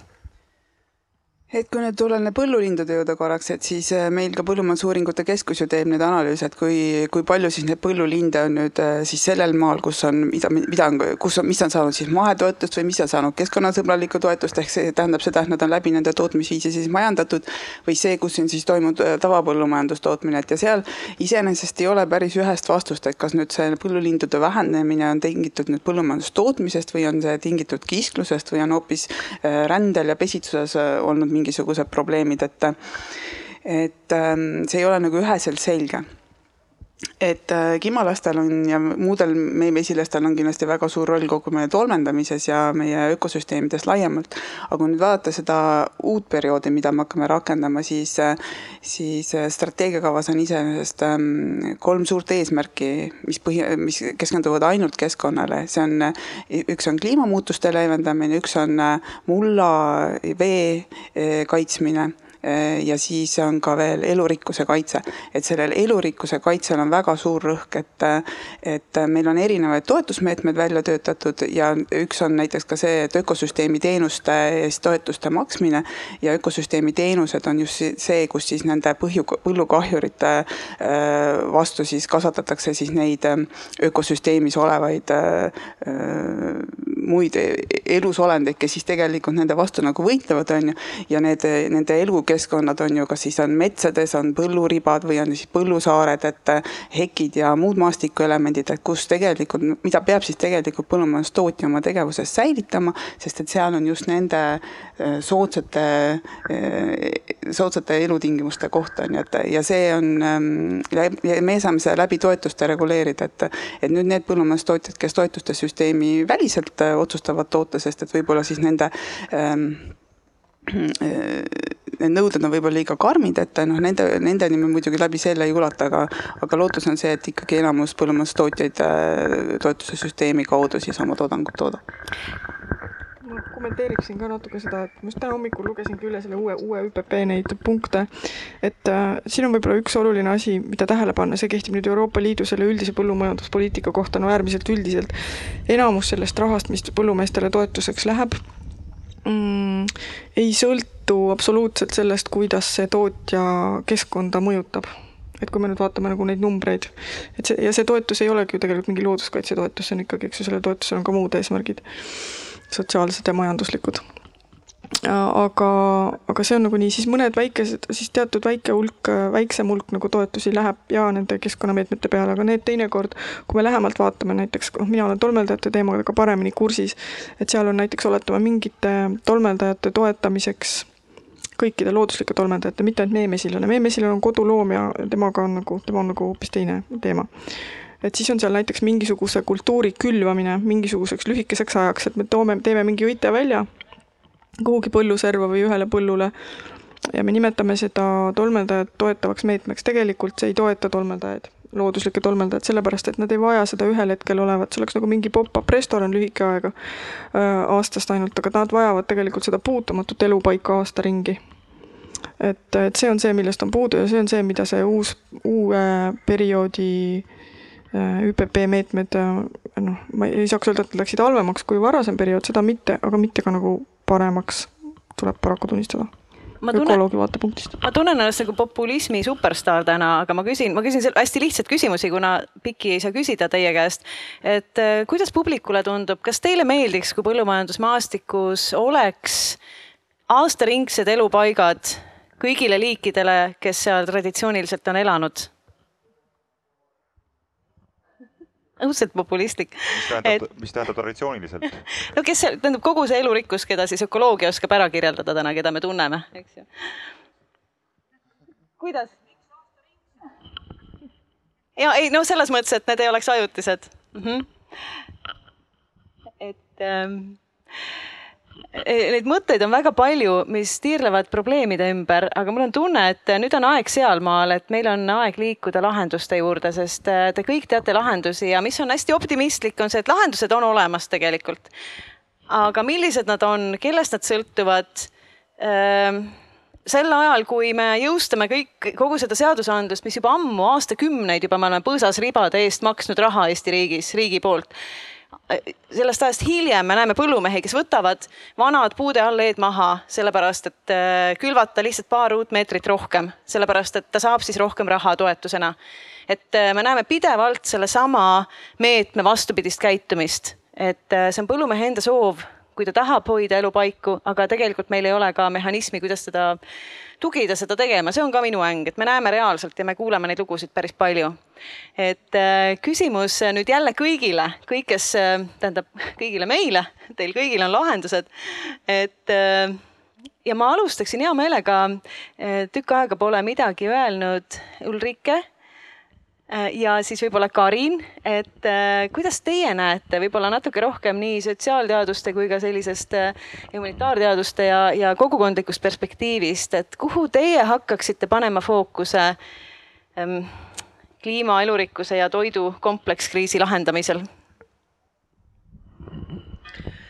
Ehm, mina hakkaks pihta ikka tarbijaga praegu, äh, sest see on see asi, mida igaüks meist saab praegu teha, saab homme teha, saab ülehomme teha. ja mina hakkaks pihta tõesti, nagu ma juba eelnevalt ütlesin, sellega, et igaüks meist õpiks natuke midagi juurde. et mitte jääda mugavasse tampi, mitte süüa seda, mis me oleme alati teinud, et ühesõnaga kanariisiga või sellised asjad. Eh, vaid eh, siin, siin muuta oma ampluaad ja eh, kasvõi tulla tagasi mõnede vanade heade traditsiooniliste nippidega, et ise hapendada, ise mingisuguseid asju teha. et lihtsalt, et oleks ähm, oskus käes, et oskusi oleksid igapäeval võtta kohe, kui enam äkki tulevikus need asjad saavad defitsiidiks, et mida rohkem inimene ise oskab ja mida laiemalt ta saab kasutada ümbritsevalt inimesed olevat loodust, mitte et süüa ära viimast elevanti, seda ma, seda ma ei mõtle siin praegu, aga lihtsalt, et kasutada neid asjad, mis meile on antud paremini, siis ma arvan, see oleks ähm, hea lahendus juba. aga selle juurde käivad siis ka äh, teadmisi äh, ja oskusi, et just nagu tehnoloogilisi oskusi. ehk siis natuke minna iseseisvamaks, Karin äh, ma nõustun nende mõtetega, aga samas mõtlen, äkki ma olen siin natuke võhik, et ma ei saa päris täpselt aru, et iga noh, päris mitu korda käis läbi, et tegelikult noh, nälga me kartma ei pea ja küll me end ära toidame. aga me kujutame nüüd ette olukorda päriselt, et Hiinast meil enam riisi ei tule. Äh, välismaalt ka Euroopas toodetud makaronid jäävad ka sinna. mingil põhjusel on suur põud, ma ei tea, kuskil lastakse esimene kaubalaev põhja, on ju, suur ärevuskriis, kaubavahetus takerdub. Äh, väetised kuskilt jäävad tulemata noh, ikka ütleme pool aastat, aasta sihuke kerge ebastabiilsuse toiduhinnad jälle, jälle kerkivad. et mida me siis päriselt sööme siin, et noh, et nälga ei pidanud ju tulema, mida me siis sööme? Ants Hannes, mida me sööme? no riisi asemel ma soovitaks tatart süüa, võid ka odragruppidest äh, maitsvat putru teha, et ei ole probleemi. aga noh, ütleme natukene võib-olla lootustandvama poole pealt, et äh, tegelikult need viimased aastad ju äh, on ka põllumajandustootjad endid nagu pannud äh, selle tuleviku peale rohkem mõtlema, et, äh, et nüüd nendega suheldes tegelikult minu arust huvi näiteks äh, taastava põllumajanduse praktikate vastu on, on päris suur ja, ja noh, ka selle vastu, et kuidas siis väiksema mineraalväetise kogusega majandada, kuidas vähem taimekaitsevahendeid kasutada ja nii edasi, et, et ka no selles mõttes, et nende turgude kõikumine tegelikult on risk põllumajandustootja jaoks. et majanduslikus mõttes see aitab tal ka oma riske maandada. nüüd on küsimus lihtsalt selles, et et, et mis on see nagu hea mehan-, hea viis neid praktikaid nagu õpetada ja jagada. et, et selline loengu vormis õpetamine on tore, eks, et seda me teeme ülikoolis, aga tegelikult põllumajandustootja nagu kõige parema meelega õpib teise põllumajandustootja käest. külastades tema ettevõtet, nähes tema tegevust ja neid tulemusi. et meil oleks tegelikult, ma arvan küll, mõistlik mõelda nende nii-öelda näidisettevõtete või, või lighthouse farmide või kuidas iganes me siin nimetame nende peale, kes on siis neid praktikaid nagu kasutanud ja, ja oskab neid eh, kogemusi jagada. ja, ja noh, tulles nüüd eh, selle põllumajanduspoliitika juurde tagasi, et et kuna meie seda Eesti strateegiakava eelmine aasta hindasime, et et ma selles mõttes olen nagu nõus, et meil on see suur ressurssi nagu nende uute, või noh, mitte uute, aga ütleme, et nende eesmärkide suhtes, mis meil on vaja saavutada või kuhu suunas on vaja liikuda, neid on ju ka mitu neid täpsemini vist kümme tükki, seal on ju eri eesmärke, kui nagu bürokraatlikult rääkida, siis pluss horisontaalne, jah. et, et tegelikult küsides ka siis hinnanguid, et mis on nagu olulisemad eesmärgid ja mis meetmed nagu nende suunas paremini liikuda annavad, et seal need tegelikult võiks nagu jagada kolme-nelja gruppi, kuhu oleks vaja rohkem fookust panna, kui me paneme, et esiteks ongi kõik, mis puudutab teadmisi, nende loomist, nende jagamist erinevates vormides siis teiseks äh, see, mis puudutab investeeringuid, et meil on äh, suured ettevõtted, nad kasutavad tehnoloogiat, neid tehnoloogiaid on vaja uuendada, on olemas ka paremaid tehnoloogiaid, et see vajadus ei kao kuhugi. siis kolmandaks see, mis meil võimaldaks rohkem liikuda nii-öelda ringmajanduse suunas, et me oma jääke, tootmisjääke, kõrvalsaadusi tegelikult võtaksime uuesti ringlusesse ja, ja neljandaks tegelikult siis kõik see, see, mis puudutab neid erinevaid äh, keskkonna seisukohast äh, positiivseid tootmispraktikaid, on need siis maastikuelemendid, äh, mahetootmine, keskkonnasõbralik ja nii edasi, et noh, need on sellised neli võib-olla valdkonda, kuhu tasuks, ma arvan, panna rohkem võib-olla eelarvet, kui seal praegu on planeeritud. mis sa arvad, Kristel? selles mõttes, et see eelarve on juba ära jagatud ja, ja see noh, hetkel seda ümberjagamist me enam tegema ei hakka, sest et äh, me juba siin äh, nüüd lähipäevil esitame selle strateegiakomisjonile ära, et need vaidlused põllumajandustootjate, teadlaste, keskkonnaorganisatsioonidega on äh, pikalt ja mitu aastat kestnud. ja nagu sa ise kunagi ütlesid, et kuna kõik on rahulolematud, siis tähendab, et on päris hea strateegia. et ähm, kui nüüd võtta nüüd, mõelda nüüd sellele küsimusele, mida sa, Grete, küsisid, et ähm, siis ma arvan, et tegelikult kogu selles äh, kestlikus toidusüsteemis, kuhu poole me tegelikult liigume, on igalühel vastutus, et äh, kogu, kõigil tarneahela lülidel on vastutus, sisenditootjatel on vastutus äh, ja ka tarbijatel on vastutus, et, et me ei saa liigutada seda või näidata kellegi poole näpuga, et kas tema peab tegema või tema on jätnud tegemata, et ähm, igaüks oma parimast teadmisest peab võtma selle vastutuse, et kuidas me siis tulevikus oma toidu toodame ja kuidas me siis selle äh, keskkonna ja elukeskkonna ja kõik need äh, ressursid äh, säästlikult kasutame selliselt, et ka tulevikus on võimalik seda toitu toota. kas järgmise aasta strateegiasse lähevad nüüd siinsed mõtted sisse või eelarvesse? Need äh, selles strateegias, mida me hakkame järgmisest aastast rakendama, on kõik need mõtted juba sisse pandud, et ja seda vahepealset versiooni on võimalik ka meie kodulehekülje pealt äh, lugeda. et nüüd peale seda, kui me komisjonile selle ära esitame, siis läheb sinna ka see esitatud versioon välja, et, et äh, jah, et loomulikult kõik ei pruugi sellega rahul olla, mis seal kirjas on, aga see ongi tänane kompromiss mida me tegelikult tänases Eesti ühiskonnas suutsime siis saavutada. hästi, Karin, sul oli mõte, mul on tunne. ma, ma tõesti tunnen puudust sellest põllumehest nüüd et äh, tegelikult lihtsalt Eesti turg ei ole ju arvestanud sellega, et äh, me kõik hakkame üleöö nüüd järsku tatart sööma, et me lihtsalt ei tooda seda piisavalt praegu, et põllumees kohe ütleks, et kuule, kuule, kuule, see ei ole nii lihtne, et mul on järgmise aasta nisuseeme juba ostetud, et äh, mingisuguseid kariloomi toota, et mis mõttes ma hakkan nüüd inimestele tatart kasvatama. et noh, nagu tegelikult sa ütlesid ka juba, et, et noh, et siuksed lighthouse või siuksed testimisfarmid, kus ongi siuksed alternatiivsed lahendused, et ma arvan, et, et kõik suuda, noh, saavad nõustuda, et sihuke pigem kohalik, et suunata just fookus sellele, et kohalikku mitmekesist põllumajandust arendada, mis on ka loodust toetav, tegelikult on noh, kõigi ühine eesmärk lõpuks. et kas ma kuulen nagu seda, et, et üks lahendus võiks olla ja ikkagi ma arvan, et seda saab ja peaks suunama kuidagi äkki riik, et kui meil olekski palju selliseid noh, pilootfarme, äh, kes koostöös teadlastega, on ju, ja teadlastel peab, teadlastel tuleb siis osta see aeg ikkagi ja see töö, äh, saaksid aidata sellist näidist luua, kus siis olekski need ülejäänud põllumehed ukse taga kogu aeg õppimas. Neid näidiseid juba on ka, tegelikult saab neid ju ka lihtsalt võimustada ja tegelikult esile tuua, näidata, rääkida, võib-olla nende põhjal juba saada mingid õppetunnid, mida siis nii-öelda skaleerida jah, et kuidas nad saada sinna kohale siis õppima, eks? ei no selles mõttes, et see ju te tegelikult toimib, võib-olla teatud äh, tegevuste osas on neid lihtsalt äh, liiga vähe. Uh, mul läks meelest ära, mis ma öelda tahtsin, ühesõnaga loomulikult jah, et kui sa homme tahad riisitatraga asendada, siis selle peale eelmisel aastal põllumees ei osanud mõelda, et see, see ei käi nii lihtsalt, et meil on üheaastane tootmistsükkel Eestis et see on üks asi, noh, teine asi, jah, okei okay,, läks meelest, ma nüüd räägin ühe teise asja, mis, mis mul oli meeles, et et meil natukene siiski jah, ühesõnaga meil seal põllumajanduspoliitikas on sees inerts, noh, see on teada, ega see ei ole uudis. see on suur laev, see pöörab aeglaselt, võib-olla see on okei okay,, on ju, et seal liiga palju sahmida ka ei saa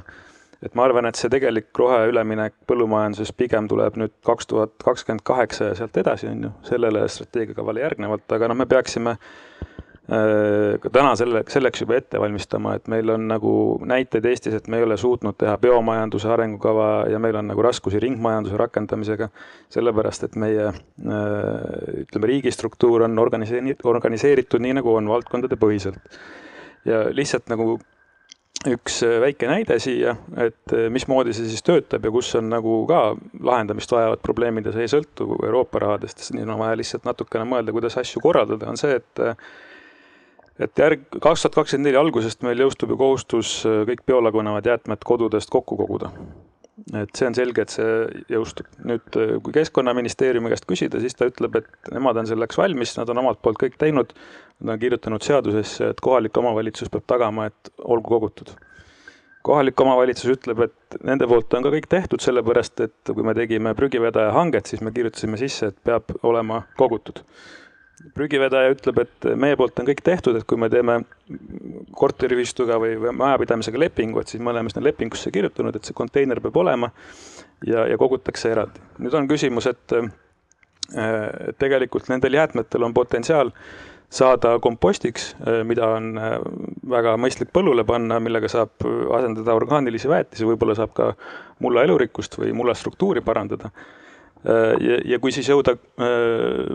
maaeluministeeriumi juurde ja küsida, et, et kas te oleksite nagu huvitatud või kes teil selle teemaga tegeleb, et siis on täiesti reaalne oht öelda, et äh, lükatakse tagasi, et see on keskkonnaministeeriumi teema.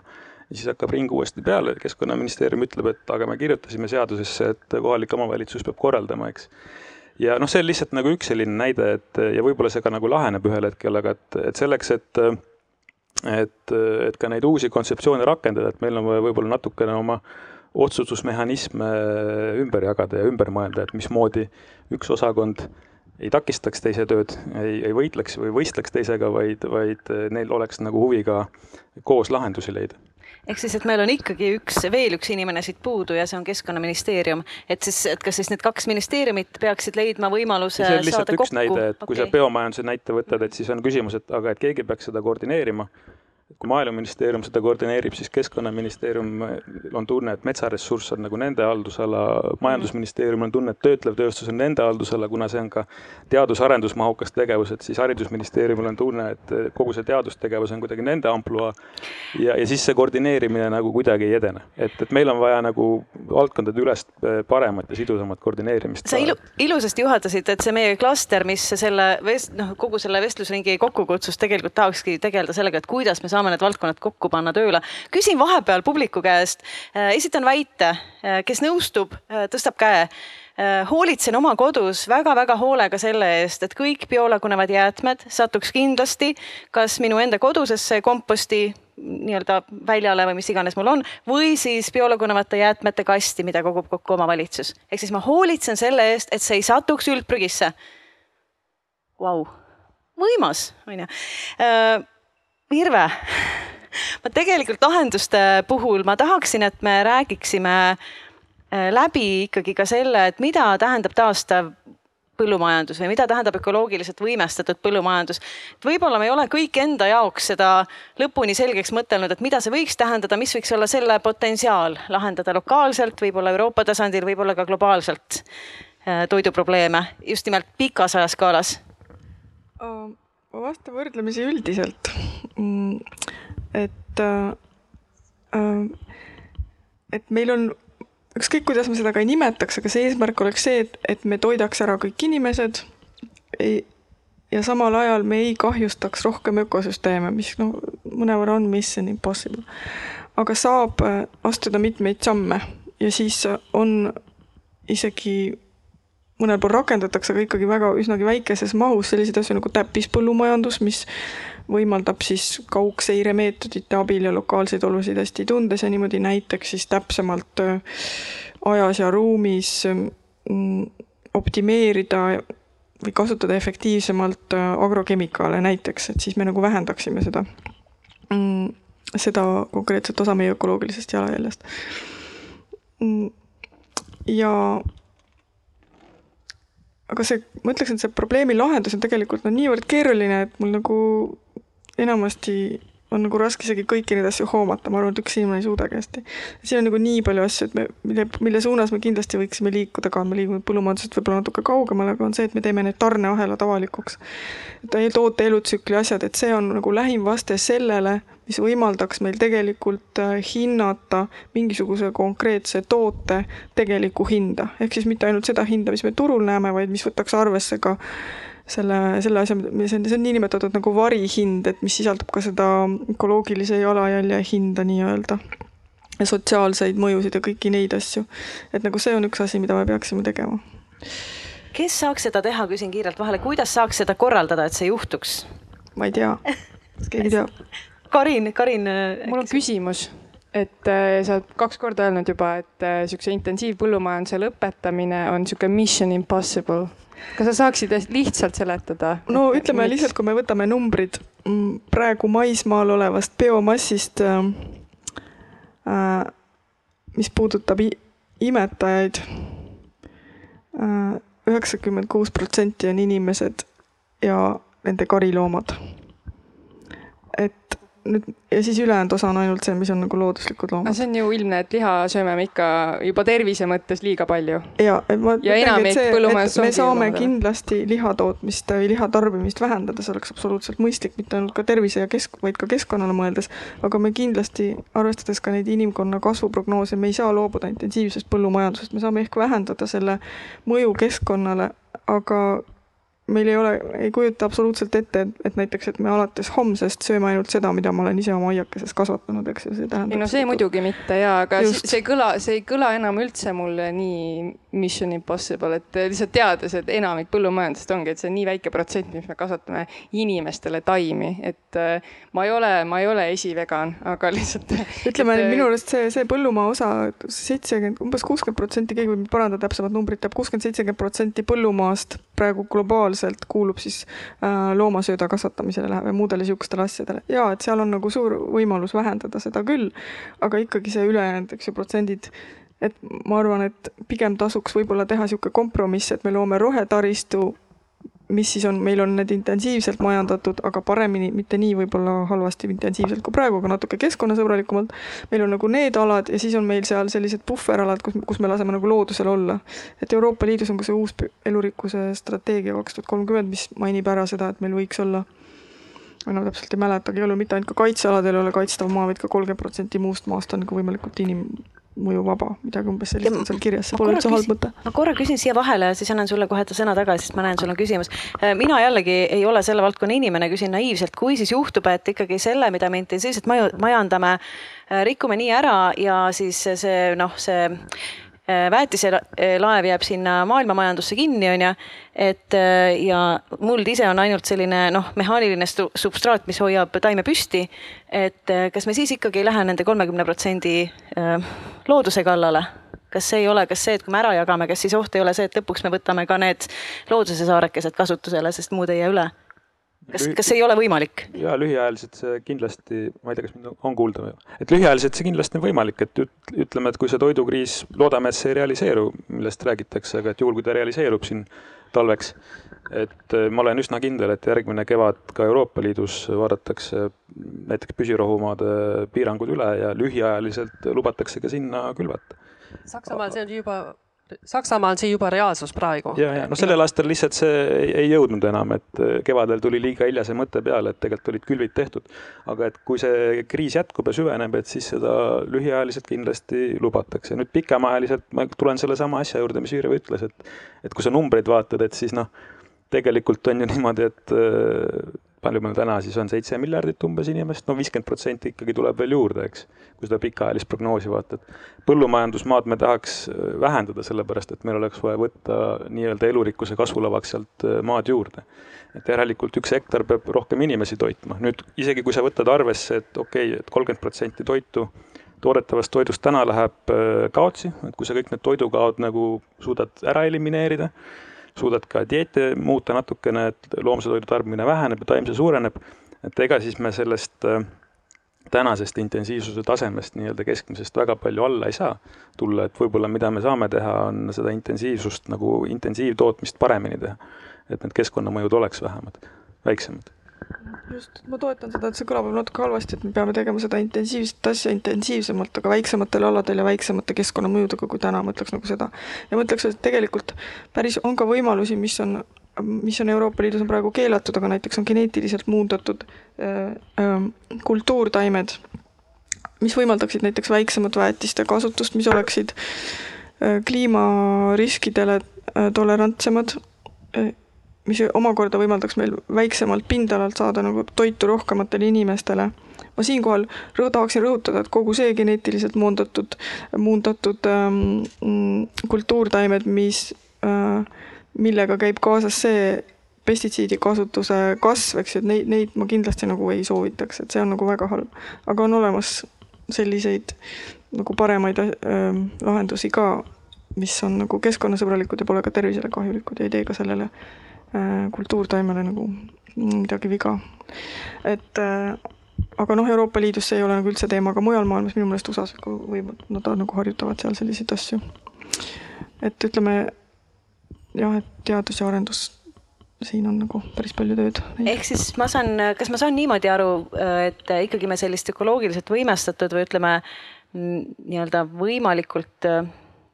põllumaastiku elurikkust toetavat põllumajandust ei saa näha intensiivselt majandatud alade lahendusena. et, et see on utoopia? no selles mõttes, et eh, me saame loomulikult neid asju sinna juurde tuua ja paremini teha, selles ei ole üldse küsimus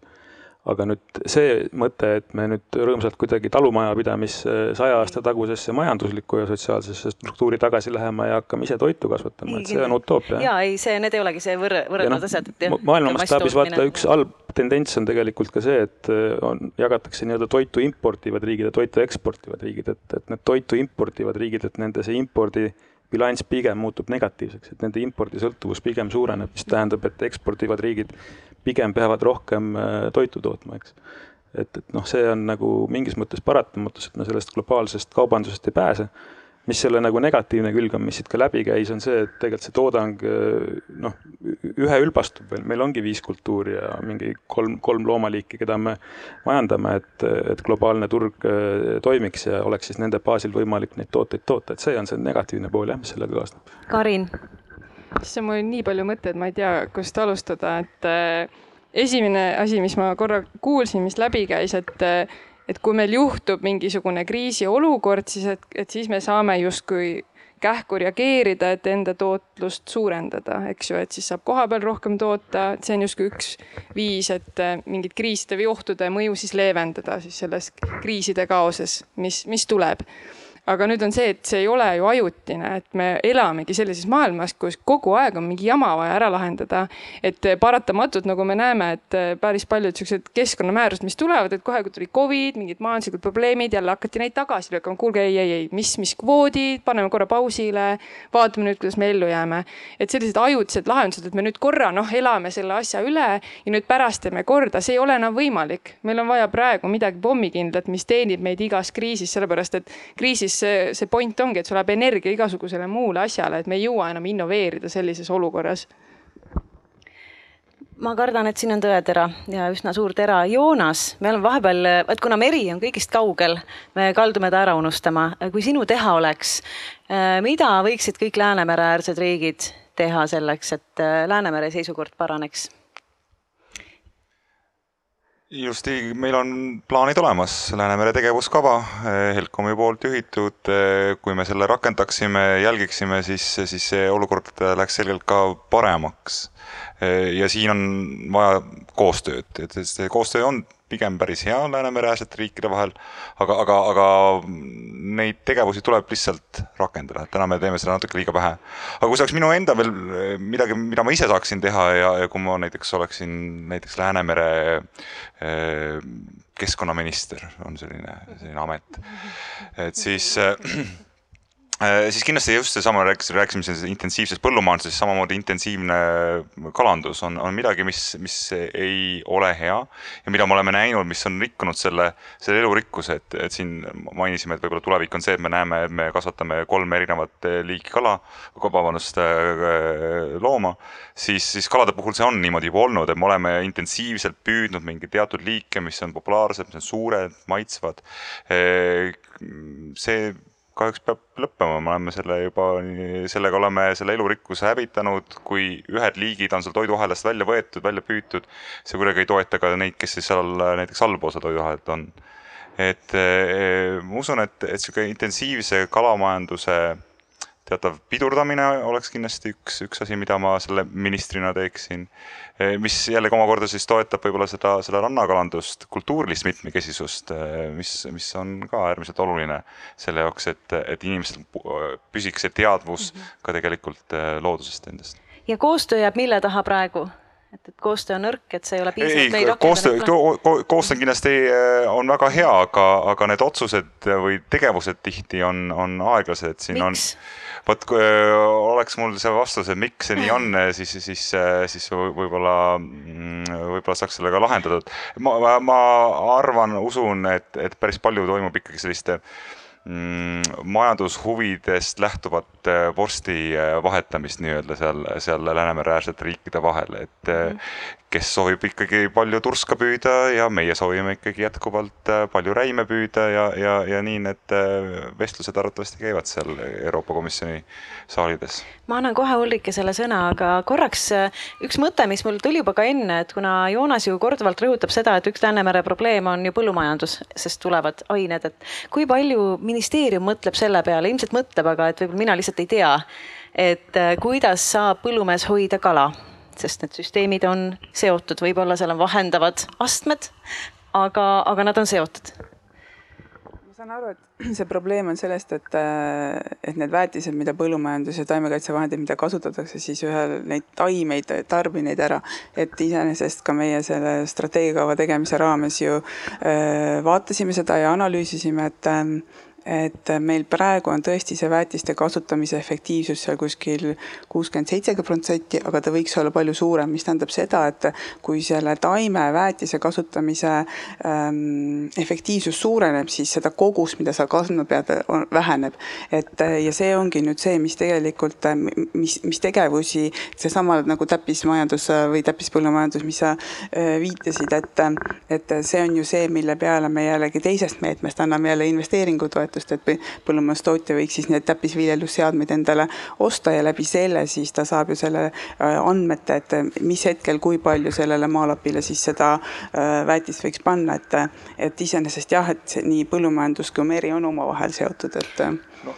ei pea, ei pea ilmting-, ei pea ilmtingimata niisugust äh, täppisteadust alati tegema, vaid teinekord piisab ka sellise laiema puhverala loomisest kraavi, jõe ja, ja põllu vahel. ka, ka metsandus samamoodi, et, et kui me ikkagi sealt kuskilt kraavi või, või jõe äärest intensiivselt selle metsa maha võtame, kõik see aitab sellele kaasa, et, et need toitained jõuavad ikkagi sinna, sinna merre lõpuks. et, et ei pea alati meeletuid investeeringuid teha, tegema kui põllumees otsustab, et ma teen näiteks kasvõi tõesti see meetri jagu, teen seda puhvertsooni kraavi ja, ja põllu vahel, sellest on väga suur abi, võib-olla oskab keegi nüüd kohe siin täpsustada seal et need puhveralad ja puhverribad on tegelikult ka meie selles meetmetes sees ja veel tugevamalt, kui nad on senini olnud, et et ähm, seal on nüüd erinevatele ja see on tegelikult re reguleeritud ju ka meie vee, veeseadusega. et nüüd nende jälgimist äh, iseenesest toetatakse ja jälgitakse veel paremini. maa, maastikuratsutajana ütlen muidugi, et puhveralad aina vähenevad. ei saa kuhugi enam kabjaga astuda. Virve? et äh, tahaksin ka selle puhver, puhvri juurde tagasi tulla, et, et see on nagu lahendus mitte ainult elurikkuse säilitamisele, mitte ainult võib-olla ka meie toidujulgeolekule, vaid see on lahendus ka kliimakriisidele ja muudelegi turbulentsidele, mis meid ees ootavad, on see, kui me tekitaksime sellise rohelise võrgustiku, rohe, rohetaristu või rohelise infra, kõik needsamad puhveralad, et meil ei oleks intensiivselt kasutatud maastikku, vaid me jätaksime, no ma ei tea, ütleme need numbrid, mida ma olen lugenud teaduskirjandusest, on ütleme kakskümmend, kolmkümmend protsenti maismaa ökosüsteemist. Me jätame loodusele, et see aitab tegelikult ka kõiki neid võimalikke tulevikukriise puhverdada, kas või see, et me saame sinna põldu teha, kui meil ühel hetkel hädasti vaja on. aga mis puudutab nüüd neid meetmeid ja neid servasid, siis neid ma olen Gretaga nõus, et tegelikult ka numbrid nagu näitavad, et need, need jäävad nagu üha kitsamaks paraku, et natuke laiemaks nüüd seal uute meetmetega võiksid nagu minna, aga kindlasti nagu vee ökosüsteemide säilitamise jaoks oleks vaja veel laiemaid et äh, kas ministeerium siis mõtleb selle rohetaristu kujuliselt? no selli-, selle sõnastust me küll nii sellisena praegu teinud ei ole, et meil tekiks rohetaristu, aga jah, need puhverribad äh, põldude servades, äh, vooluveekogude servades, kraavide servades, et need on nüüd küll ette nähtud jah, et aga need... kas seire on, et kas nad teevad seda reaalselt või nad teevad hoopis vastupidi? No Põllumajandusuuringute Keskus saab selle kohta ka seiret hakata okay. tegema, sellepärast et uue programmperiood näeb ka ette seda, et äh, meetmete puhul tulevad äh, tulemuseesmärgid täita, sest et kui tulemuseesmärke ei täideta, siis äh, ka Euroopa Liidu rahamaksed peatuvad Ulrike, sul oli tegelikult tükk aega tagasi mõte, ma vabandan, et äh, hoidsin nii kaua ootel sind. ei, see sobib väga hästi lõppu, sest me oleme vist üsnagi lõppu jõudnud ja see läheb tegelikult teema juurde, mis on sinu teema. järgmine et, läks üle, tähendab, vabandust, eelmine lava läks pool tundi üle, nii et ma arvan, et me natukene võime äkki venitada, sest ma tahan ka publiku küsimusi, nii et ja palun no, no, ütle oma mõtted. et äh, võtaks äh, korraks need sinu hirmud äh, veel jutuks, et mis on ju väga reaalsed hirmud, et äh, tulevik ei pruugi olla enam selline, nagu ta no, praegu elu on ja meie toidulaud ei pruugi olla selline, nagu praegu on ja mis me siis teeme. et äh, ma arvan, jah, nii ta vist on, et ta ei ole selline äh, ja me peame väga sellega arvestama. Et, et me oleme suurte muudatuste sees ja nende vastu me ei saa mitte midagi teha, et me saame siin natuke reguleerida siin ja seal, aga need muudatused, kui me võtame, eks ju, seda kliimamuutust, mis tuleb, eks ju, ta tuleb nii ehk nii ka siis, kui me, ta on juba siin, me oleme juba selle sees ja alles näeme, mis hakkab tulema. nii et muudatused tulevad Need kindlasti saavad olla suured muudatused. nii et ma arvan, ainus, mis aitab, on see tead noh, selline psüühiline valmisolek ja teatud paindlikkus ka, et ükskõik, no mida suurem meie paindlikkus hakkama saamiseks, seda parem. nii individuaalsel pinnal kui ka kogukondlikul või riiklikul või, aga see on juba teema, millest Rei- Grete tahab kindlasti rääkida palju kahjuks ei ole ma täna siin paneelis sees aga mõnel te- teisel korral kindlasti. ma nägin, et Karin, sul oli ka vahepeal tundub, et mõte, mida ma tahaks sinult veel ka selliseks võib-olla lõpusõnaks küsida. ja loomulikult pärast publiku küsimuse ja kü- küsimusi tuleb teil veel kord lõpusõna, aga kaks sõna, mida siin ei ole väga palju kõlanud täna on kogukondlikkus ja lihttehnoloogiad. et kui me räägime lahendustest, me võiks rääkida ka nendest lahendustest, mis võiks tekitada just nimelt seda, mida Ulrike praegu ütles, et seda isiklikku tunnet, et äkki kui just ei tule noh, kuidas öelda, marodööride kamp peale, siis ma mõnda aega suudaksin vastu pidada, juhul kui need muutused eskaleeruvad et lihttehnoloogiad ja kogukondlikkus, mida no, noored mõtlevad? Jah, see ongi huvitav, et äh, ehitangi siis Koplis kogukonda, mis tegelebki niisuguse kohaliku säilenõtkuse katselabori ehitamisega. ma ütleks, et äh, meie kogukonnas on niisugused suhteliselt tavalised inimesed, kelle jaoks on see tegelikult päris niisugune päevakajaline mure ikkagi, et kuidas ma hakkama saan, kui riik võib-olla minuni enam ei jõua, et kaks, pandeemia, sõda, et need panid kõik need mõtted ikkagi sinna suunas minema ja natuke on selline tunne, et ega riik võib-olla ei hoolitse minu eest või ei saagi hakkama, et mis ma siis ise teen ja nad on, noh, ongi, ma ütlen, inimesed ikkagi pigem varsti on valmis elu hinnaga öö, ostma mingit toitu, mis neid elus hoiab ja see ei ole pikaajaline lahendus, et, et ongi, et ma ei tea, tarneahelad lähevad katki ja meieni ei jõua enam mingit sihuke toidulaua mitmekesisus, aga Eestis, ega me ei arenda ju praegu kohalikult kõiki neid kohalikke sorte ja seda vitamiini ja mineraalainete pagasit, mis meil tegelikult peaks olema laual. Ja see teeb inimesed ikka väga kiiresti kiiresti väga õnnetuks, kui sa saad ainult viit või kuut erinevat asja süüa aastaringselt, et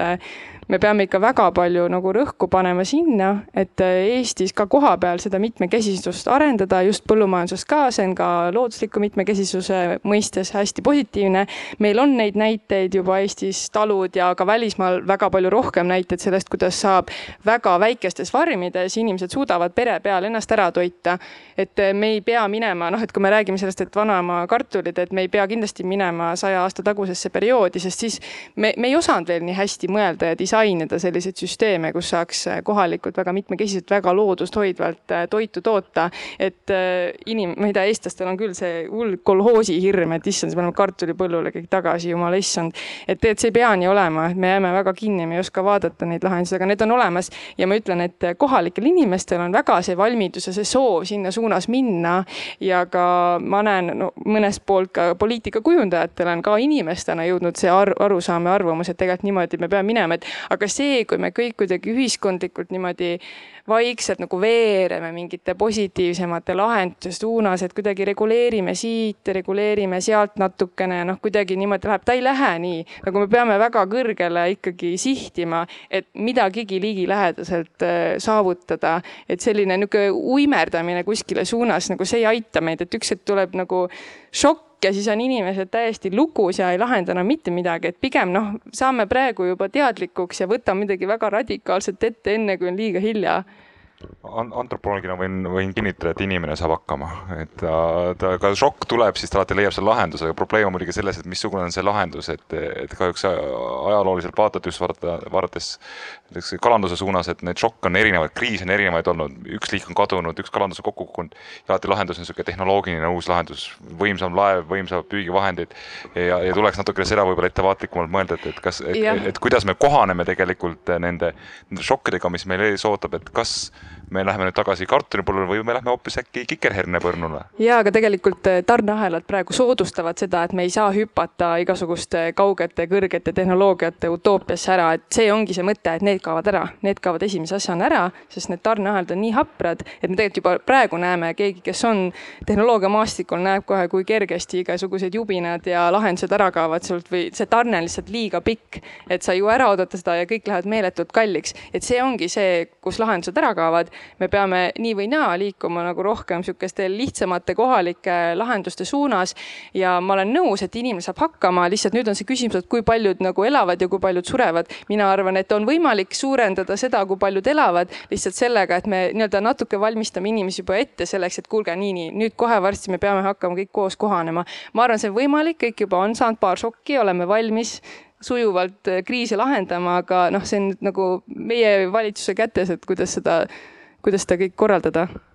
nagu Ulrike ka meil varasemas telefonikõnes ütles, et äh, siis, kui on kriis käes, siis aju enam ei õpi. tegelikult siis me nagu keerukaid lahendusi enam ei genereeri, see on fakt, siis me võib-olla genereerime hädaabilahendusi ja võib-olla jääb tugevam ellu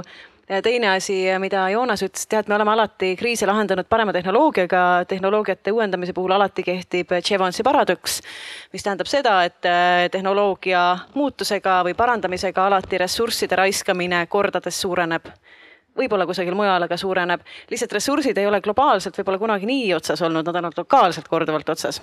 et noh, et see on üks mõttekoht. ma tahan nüüd äh,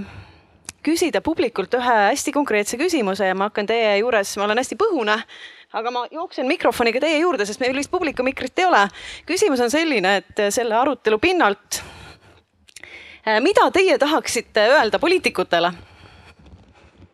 otsustajatele? kas on midagi, mida keegi tahaks öelda? midagi lühidat? põllumajanduspoliitikas näiteks või toidutootmises kas seal on, kas kusagil on käsi? sa näed kätt, ahah, sina. Äh, tegelen tegelikult iga päev sellega, et ütlen poliitikutele midagi, aga et äh, põllumajanduse osas on kindlasti see, et äh, see Eestis seisab väga palju ja üldse Euroopas seisab väga palju toetuste peal. et annaks avalikust rahakotist raha neile, kes teevad suuremat head meie inimestele ja meie keskkonnale siis mitmekesistaks igasuguseid asju ja et ma võin siin mitu tundi rääkida, aga, aga et ma arvan, et see on üks sihuke mõte, mida võiks nüüd äh, tulevate ja olevate kriiside valguses kindlasti ellu viia. et kas ma võin resümeerida, et toetus võiks olla suurem nendel, kes hoiavad mitmekesisust, näiteks looduslikku mitmekesisust, aitäh. veel? kas teil on veel soovitusi? Peeter. siinpool Erki. Anna-Veliina. et võib-olla ei, ei ekspordiks meie äh, nagu bioloo-, met-, metsamaterjali, põllumajandustoodangut, et äh, orienteeruks siin tarbimisele. sest sellel on mõju meie oma keskkonnale ja liigirikkusele. väga tore mõte, ehk siis kuna ka seal Ants pakkus välja, et me võiksime siia Odra grupi, võtame Odra kaamelitelt tagasi. aitäh, mul mitu mõtet, et üks on see, et poliitikutele jah, et, et tegelikult see keskkonna ja elurikkuse ja kliimateema ei ole marginaalne teema ja, ja ka olles tegelikult ise olnud osaline sellesama strateegiakava väljatöötamisel, siis äh, pean ütlema, et äh, teataval määral ikkagi seda sellisena käsitletakse, et neid, nende arutelude jooksul käsitleti kui peale surutud asja, mis äh, meid ei, meisse ei puutu ja on pigem tüütu kohustus, äh, mis tuleb kuidagi. Äh, no ilmselt võib-olla te alguses rääkisite sellest, ma jäin natuke hiljaks, vabandust, aga aga et, et me ei saa seda sellisena võtta ja me ei tohiks seda sellisena võtta, sest et see on asi, mida tuleb väga tõsiselt võtta ja siis näiteks võtame aasta kaks tuhat kaheksateist, mil põllu, mil näiteks teraviljatoodang Eestis langes nelikümmend protsenti, nelikümmend protsenti põua tõttu ja, ja see ei ole mingi nali, see võib korduda ülejärgmisel, üle-ülejärgmisel ja üle-üle-ülejärgmisel aastal. ja see kõik on otseselt äh, seotud sellega, kui palju me suudame ja kuidas me suudame neid äh, valdkondi adresseerida, mida tõena-, seda tõenäolisemaks need muutuvad. et tuleb võtta tõsiselt ja mitte esimese, esimeste selliste äh, kriisidega lükata neid taas kõrvale ja kõrvale ja edasi ja edasi, et säilitada seda pikaajalist vaadet. teine mõte oli ka, aga nüüd läks meelest ära jah äkki tuleb veel. kui sul tuleb, siis ütle. Äh, äh, et ma selles mõttes küsiksin tagasi, et kust võiks tulla see, äh, et see on nagu huvitav koht, et kui teadlane on nüüd selles noh, nõuandvas rollis, aga ta tajub, et otsustajate poolt need tema nõuanded on peale surutud kõrvalteema. kas keegi meie vestlusringist oskaks kommenteerida, miks teadlane nii tunneb? miks tundub nii-öelda pikaajalist jätkusuutlikku toidutootmist hoidev põllumajandus pealesurutuna. et äh, ma ei tea, kas Kristel äkki mõtleb selles suunas, et, et kust see tuleb, see tundub nagu mingi kommunikatsioonihäire vot ma tõesti ei oska selles mõttes öelda, et miks teadlane ennast sellisena tunneb, et äh, nagu ma selle strateegiakava puhul ütlesin, siis see on kompromiss nüüd äh, nii tootjate, põllumajandustootjate, toidutööstuste, teadlaste, erinevate valdkondade teadlaste äh, arutelude tulemusel, et milliseks need meetmed siis lõpuks kujunesid, et äh, ja see on parim, mis me sellel ajajärgul siin Eestis teha suutsime ma võib-olla täpsustan, et asi ei ole võib-olla selles, kuidas ma ennast isiklikult tundsin, äh, vaid, vaid kuidas see teemavaldkond, äh, kui tõsiselt seda teemavaldkonda tervikuna aruteludes võeti ja milliseid, ütleme, kompromissivajaduste puhul, milliseid nii-öelda asju eelistati millistele teistele. no kasvõi lihtne näide, siin oli korraks nendest puhverribadest juttu. Ah, aa, et võib-olla pean otsast alustama, et asi, et asi ei ole võib-olla selles, et kuidas mina isiklikult tundsin või kuidas teadlased tundsid, vaid, vaid pigem selles, et, et, et kuidas prioriteetide jagunemine siis sellise, ütleme, diskussiooni, kompromisside otsimise olukorras käib ja, ja paraku on tõesti niimoodi, et kui on kaalukausil äh, näiteks investeeringud tootmis, tootmissüsteemidesse versus seda teataval määral pidurdavad investeeringud ühishüvede säilimisse, näiteks vee kvaliteeti, siis, siis siis need viimased kipuvad esimestele alla jääma, et, et selline noh, selline see kompromissi otsimine seni oli ja pigem see tuligi võib-olla sellest, et, et noh, minu tunnetuses, mitte minu tunne, vaid minu tunnetuses see valdkond ei ole jõudnud oma pakilisuses kõigi osapoolte juurde piisava teravusega kohale ja ühe näitena võib-olla siis seesama puhverribad siis, mis, mis, kus on küll juba veeseaduses ette nähtud näiteks kõige väiksematel alla kümne äh, ruutkilomeetrise valgalaga kraavidel on üks meeter ja, ja sellisena sai ta ka sellesse strateegiakavasse kirja, seesama üks meeter. kuigi teadusuuringud näitavad, et see peab olema vähemalt kolm, aga parem kui kuus meetrit. iga meetriga lisandub vähem äh, lämmastikku, mis siis lõpuks jõuab veekokku. et, et lihtsalt sellisel kaalukausil siis ikkagi täna need, ka need äh, tootjad, kes ikkagi tahavad jätta näiteks kuus meetrit, nad on ikkagi ebaeelistatud nende ees, kes, kes kes siis äh, täidavad täpselt äh, strateegiakava eesmärke. Aga noh, ütleme, see on selline näide, et ka siis, kui või võib-olla te sellest alguses rääkisite, et, et kui tootja tahab äh, nii-öelda tavapärasest äh, rohkem keskkonnasäästlikult äh, nii-öelda toimetada, et siis, siis tal, et meil on endiselt kahjuks äh, sees selliseid elemente, mil tal on see tehtud raskeks või keerulisemaks ja seab ta konkurentsis teistest kehvemasse olukorda Ants. jah, ma lihtsalt võib-olla nii-öelda kommenteerin või arvan siia siis lihtsalt kõrvale, et miks see, miks see nagu võis niimoodi olla, mitte et see midagi aitaks selles mõttes, aga, aga võib-olla see ait-, kuna see poliitika planeerimine on pidev protsess ja ja ma saan aru, et järgmine nädal läheb see strateegiakava ära, aga siis ülejärgmine nädal peab hakkama ju järgmist perioodi ette valmistama, et et mul on tegelikult jäänud nagu mulje, et meil neid teadmisi elurikkusest ja selle rollist ja osast süsteemist tegelikult on ühiskonnas liiga vähe et, et selle nagu haridusega me peame või noh, jah, tuleb jätkuvalt tegeleda, et seda teadlikkust suurendada, et see ei ole, see ei ole liiga suur. et, et see on nagu üks asi, see on pidev protsess, nüüd teine, mis puudutab seda strateegiakava, võib-olla, ja kus me ka hindajatena nägime, et noh, mida saaks järgmine kord paremini teha, et seekord seda ei saa enam parandada, on see, et et need alusuuringud või, või sellised alusanalüüsid või mõjuhinnangud tegelikult väga paljude meetmete puhul puudusid, mistõttu kogu see arutelu jäigi nagu, läkski nagu arutelu või väitluse tasandile, aga see ei ole nagu päris okei okay selles mõttes. et, et kui sa lihtsalt nagu väitlemise teel eh, püüad jõuda siis uutele tulemustele, ilma et sul oleks nagu põhjalikumat analüüsi taga, et siis noh, kahjuks pigem sa jõuad vanade tulemusteni, sest et see otsustusmehhanismid on nii nagu olid eelmine kord. ja selle tulemus on see, et, et jah,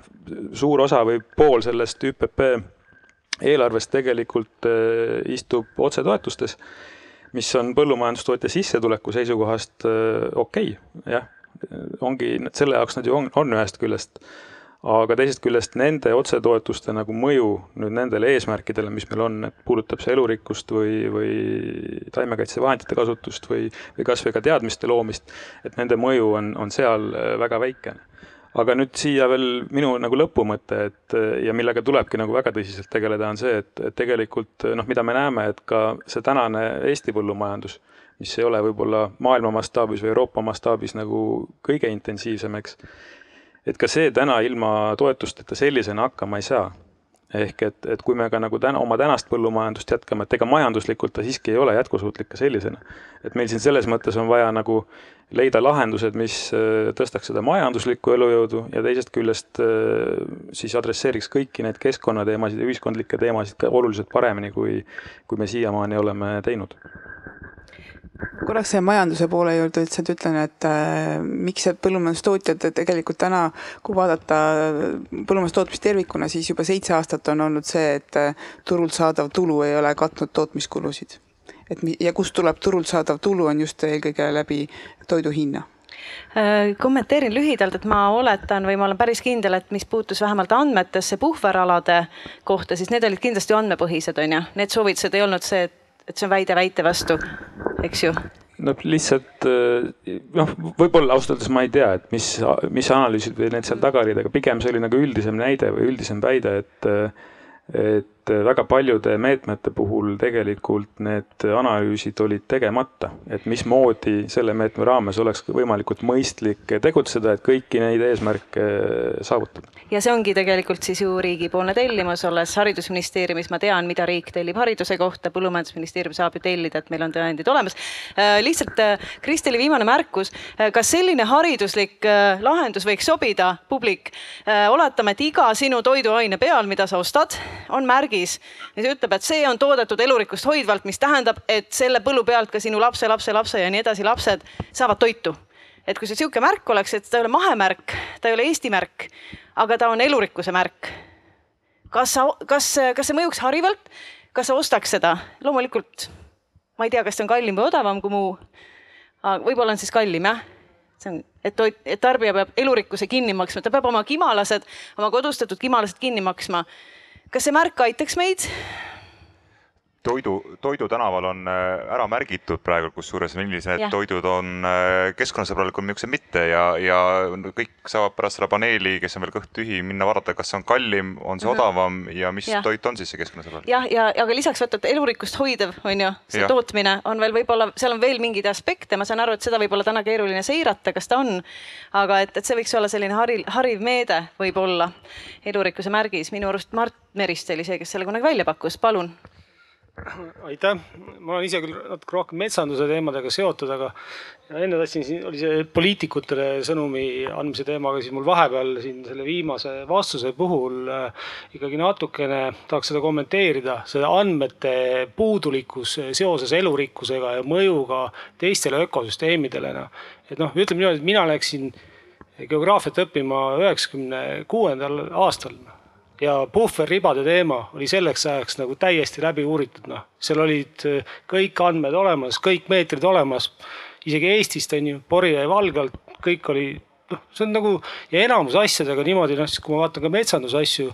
mille üle nagu praegu justkui väga tuliselt vaieldakse, et käsiraamatutes olid nad sees kolmkümmend aastat tagasi metsandus, äh, säästva metsanduse käsiraamatutes, needsamad põhimõtted, andmed on olnud uuringutega toetatud juba sellest ajast saati. lihtsalt uuringuid toodetakse kogu aeg juurde, et see ökoloogiliste artiklite lasu täna, mis kogu seda asja toetab, on umbes noh, see on ikkagi meeletu nagu, et noh, et eh, üks normaalne inimene seda noh, sisuliselt sa ei jõua seda läbi lugeda, eh, seda, mis nädalaga avaldatakse, eh, neid teadusuuringuid. aga see oli nagu see andmetele nagu äh, andmetele kommentaariks ja ehk et seal on nagu hästi palju tegelikult lihtsalt valikute küsimus ja tõesti nagu ka põllumajandusministeeriumist nagu öeldi, et noh, see oligi kompromiss on ju ja neid kompromisse tehaksegi nagu, et aga puudu, puudu ei ole seal nagu andmed, nagu ma väidan. aga see sõnum poliitikutele ja ka nagu natukene metsanduse pealt paralleelselt vaadates, siis näiteks metsanduses täna kirjeldatakse seda, mis metsamajanduses on nagu äh, neid regulatsioone säilikmajandusena nagu, aga ehk et on nagu läbi arutatud äh, mingid teatud aspektid ja on tegelikult ikkagi seadusesse kirja pandud teatud baastasemed nagu, et näiteks, et kui palju, kui sa teed lageraielangi, siis kui palju sa pead jätma näiteks säilikpuid nagu noh, see on seaduses kirjas, palju pead jätma surnud puitu sinna, on ju,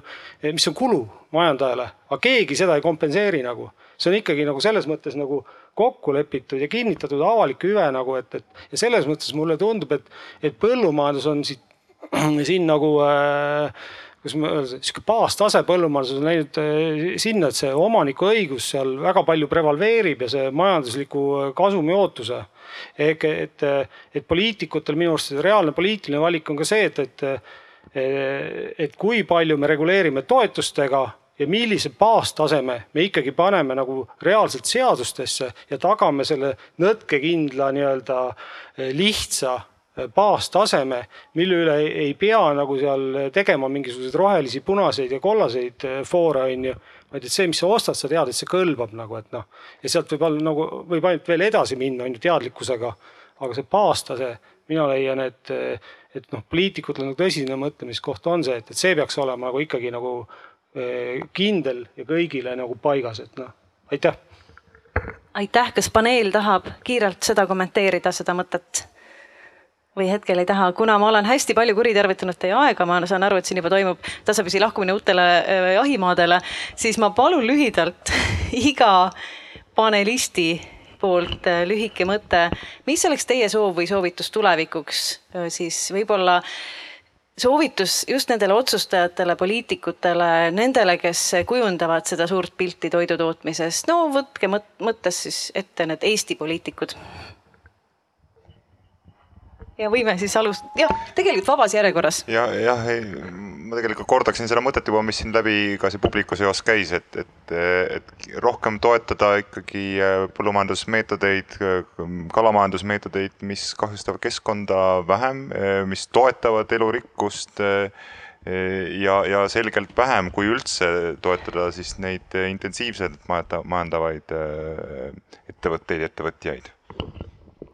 mina võtaks kogu oma eelneva jutu kokku sellega, et, et kogu toidusüsteem peaks olema lollikindel ja pommikindel. no seda on raske üle trumbata, aga aga ma arvan, et me, no ühesõnaga, see on igav jutt, aga ühest küljest meil tegelikult on vaja nagu rohkem andmeid teatud asjade kohta, et tahame või ei taha, need tehnoloogiad on olemas, et, et see süsteem tuleks nagu paremini tööle saada, kus me tegelikult teaksime paremini kui palju, kes ja, ja millal kasutab teatud taimekaitsevahendeid, väetisi, antibiootikume ja nii edasi. Et, et natukene tegelikult see teadmine oleks laiem, mitte et me ei peaks nagu kõiki globaalseid muresid nagu üle kandma oma, oma süsteemile, see on nagu ühelt poolt ja, ja teiselt poolt, kuna me siin peame tõdema, et eri valdkondade inimesed kogu selles poliitikaprotsessis tunnevad ennast kuidagi Mm, noh, ebamugavalt lõpuks, sellepärast et tulemused ei ole nagu need, mille nimel nad on oma tööd teinud. Et eh, siin tuleb nagu ikkagi jätkuvalt eh, pingutada selle nimel, et, et tekitada seda valdkonna, valdkondade ülest koostööd, et siin Virve tegelikult ka alguses ütles, et et eh, ühe valdkonna või ühe inimese teadmistest jääb väheks, et toidusüsteem on piisavalt suur ja kompleksne, et, et me peame siin kuidagi jõudma nagu valdkondade üleste lahendusteni tegelikult tahtsin sedasama öelda, et, et toidusüsteem on väga keeruline ja seda, see võib-olla me ei olegi nagu iseendale seda teadvustanud, et, et millised on selle erinevad lülid ja, ja kes peaksid kuidas omavahel suhtlema, et, et sellist lihtsustatud tagasiminekut mina hetkel siin ei näe, et, et seda enam, et kui meil on vaja igasuguseid andmeid ja seda seiret teha, et mismoodi me siis oma, oma tegevustega nendes suunas liikume, kuhu me siis tahame jõuda, et ja see on tõesti, et koostöö on see koht või see, see meetod, millega me saame edasi minna. Ja mina loodan väga, et see valdkondadeülene koostöö siis jõuab sellise tulemuseni, millal meil ütleme, riiklikud riiklike mehhanismide abil saabub parem tasakaal avaliku huvi ja erahuvi vahel. kui puhas elukeskkond on avalik huvi ja, ütleme, tootjate majandushuvid on erahuvid, et praegu on see ilmselgelt ikkagi majand-, lühiajalise majanduskasu poole nagu tublisti need otsused on kreenis, et ma tahaksin paremat tasakaalu mina arvan, et ähm, siiski see, mis on lokaalne ja mis on globaalne ja mis on need äh, teed seal vahel, see vajaks uuesti läbimõtlemist. et ma tegelikult sellist täiesti äh, piirid kinnipanemispoliitikat, et äh, Eesti põld toidab ainult eestlasi, et ma arvan, seda, seda mina isiklikult ei, ei teo, toetaks. aga ähm, siin kindlasti on äh, palju mõtlemisainet veel mm. -hmm ja minult ainult kolm viimast asja. esimene oli see, siin on lähedal praegu hariduslava, kus tegeldakse teemaga, mida võtta õppekavast välja. meie täna leppisime kokku, et õppekava tuleb sisse panna toksikoloogia on ju. teine asi, ettevaatusprintsiip põllumajandusministeeriumi alusprintsiibiks, kui me ei tea, me ei topi ja kolmas on see, et põllumees ei saa aru, mida talle räägib teadlane, sest tegelikult, et kui me, meil on justkui sama eesmärk, pikaajaline jätkusuutlik toidutootmine, aga ometi me lepime kokku lahendused või lepime kokku kompromissid, mis neid ei toeta, siis on see ikkagi natuke hariduslik probleem, on mul tunne. ma tahan tänada, ma, ma tõesti, nii nagu meie alus, alustasin pisut hiljem, uus lava juba närveerib et kui teie nii laval kui ka kuulajate hulgas saite täna vähemalt ühe uue mõtte, siis on see arutelu läinud täie ette suur,. suur-suur tänu teile Äh, tõesti aplaus meie paneelile. selge see, et ega kõike kõike teha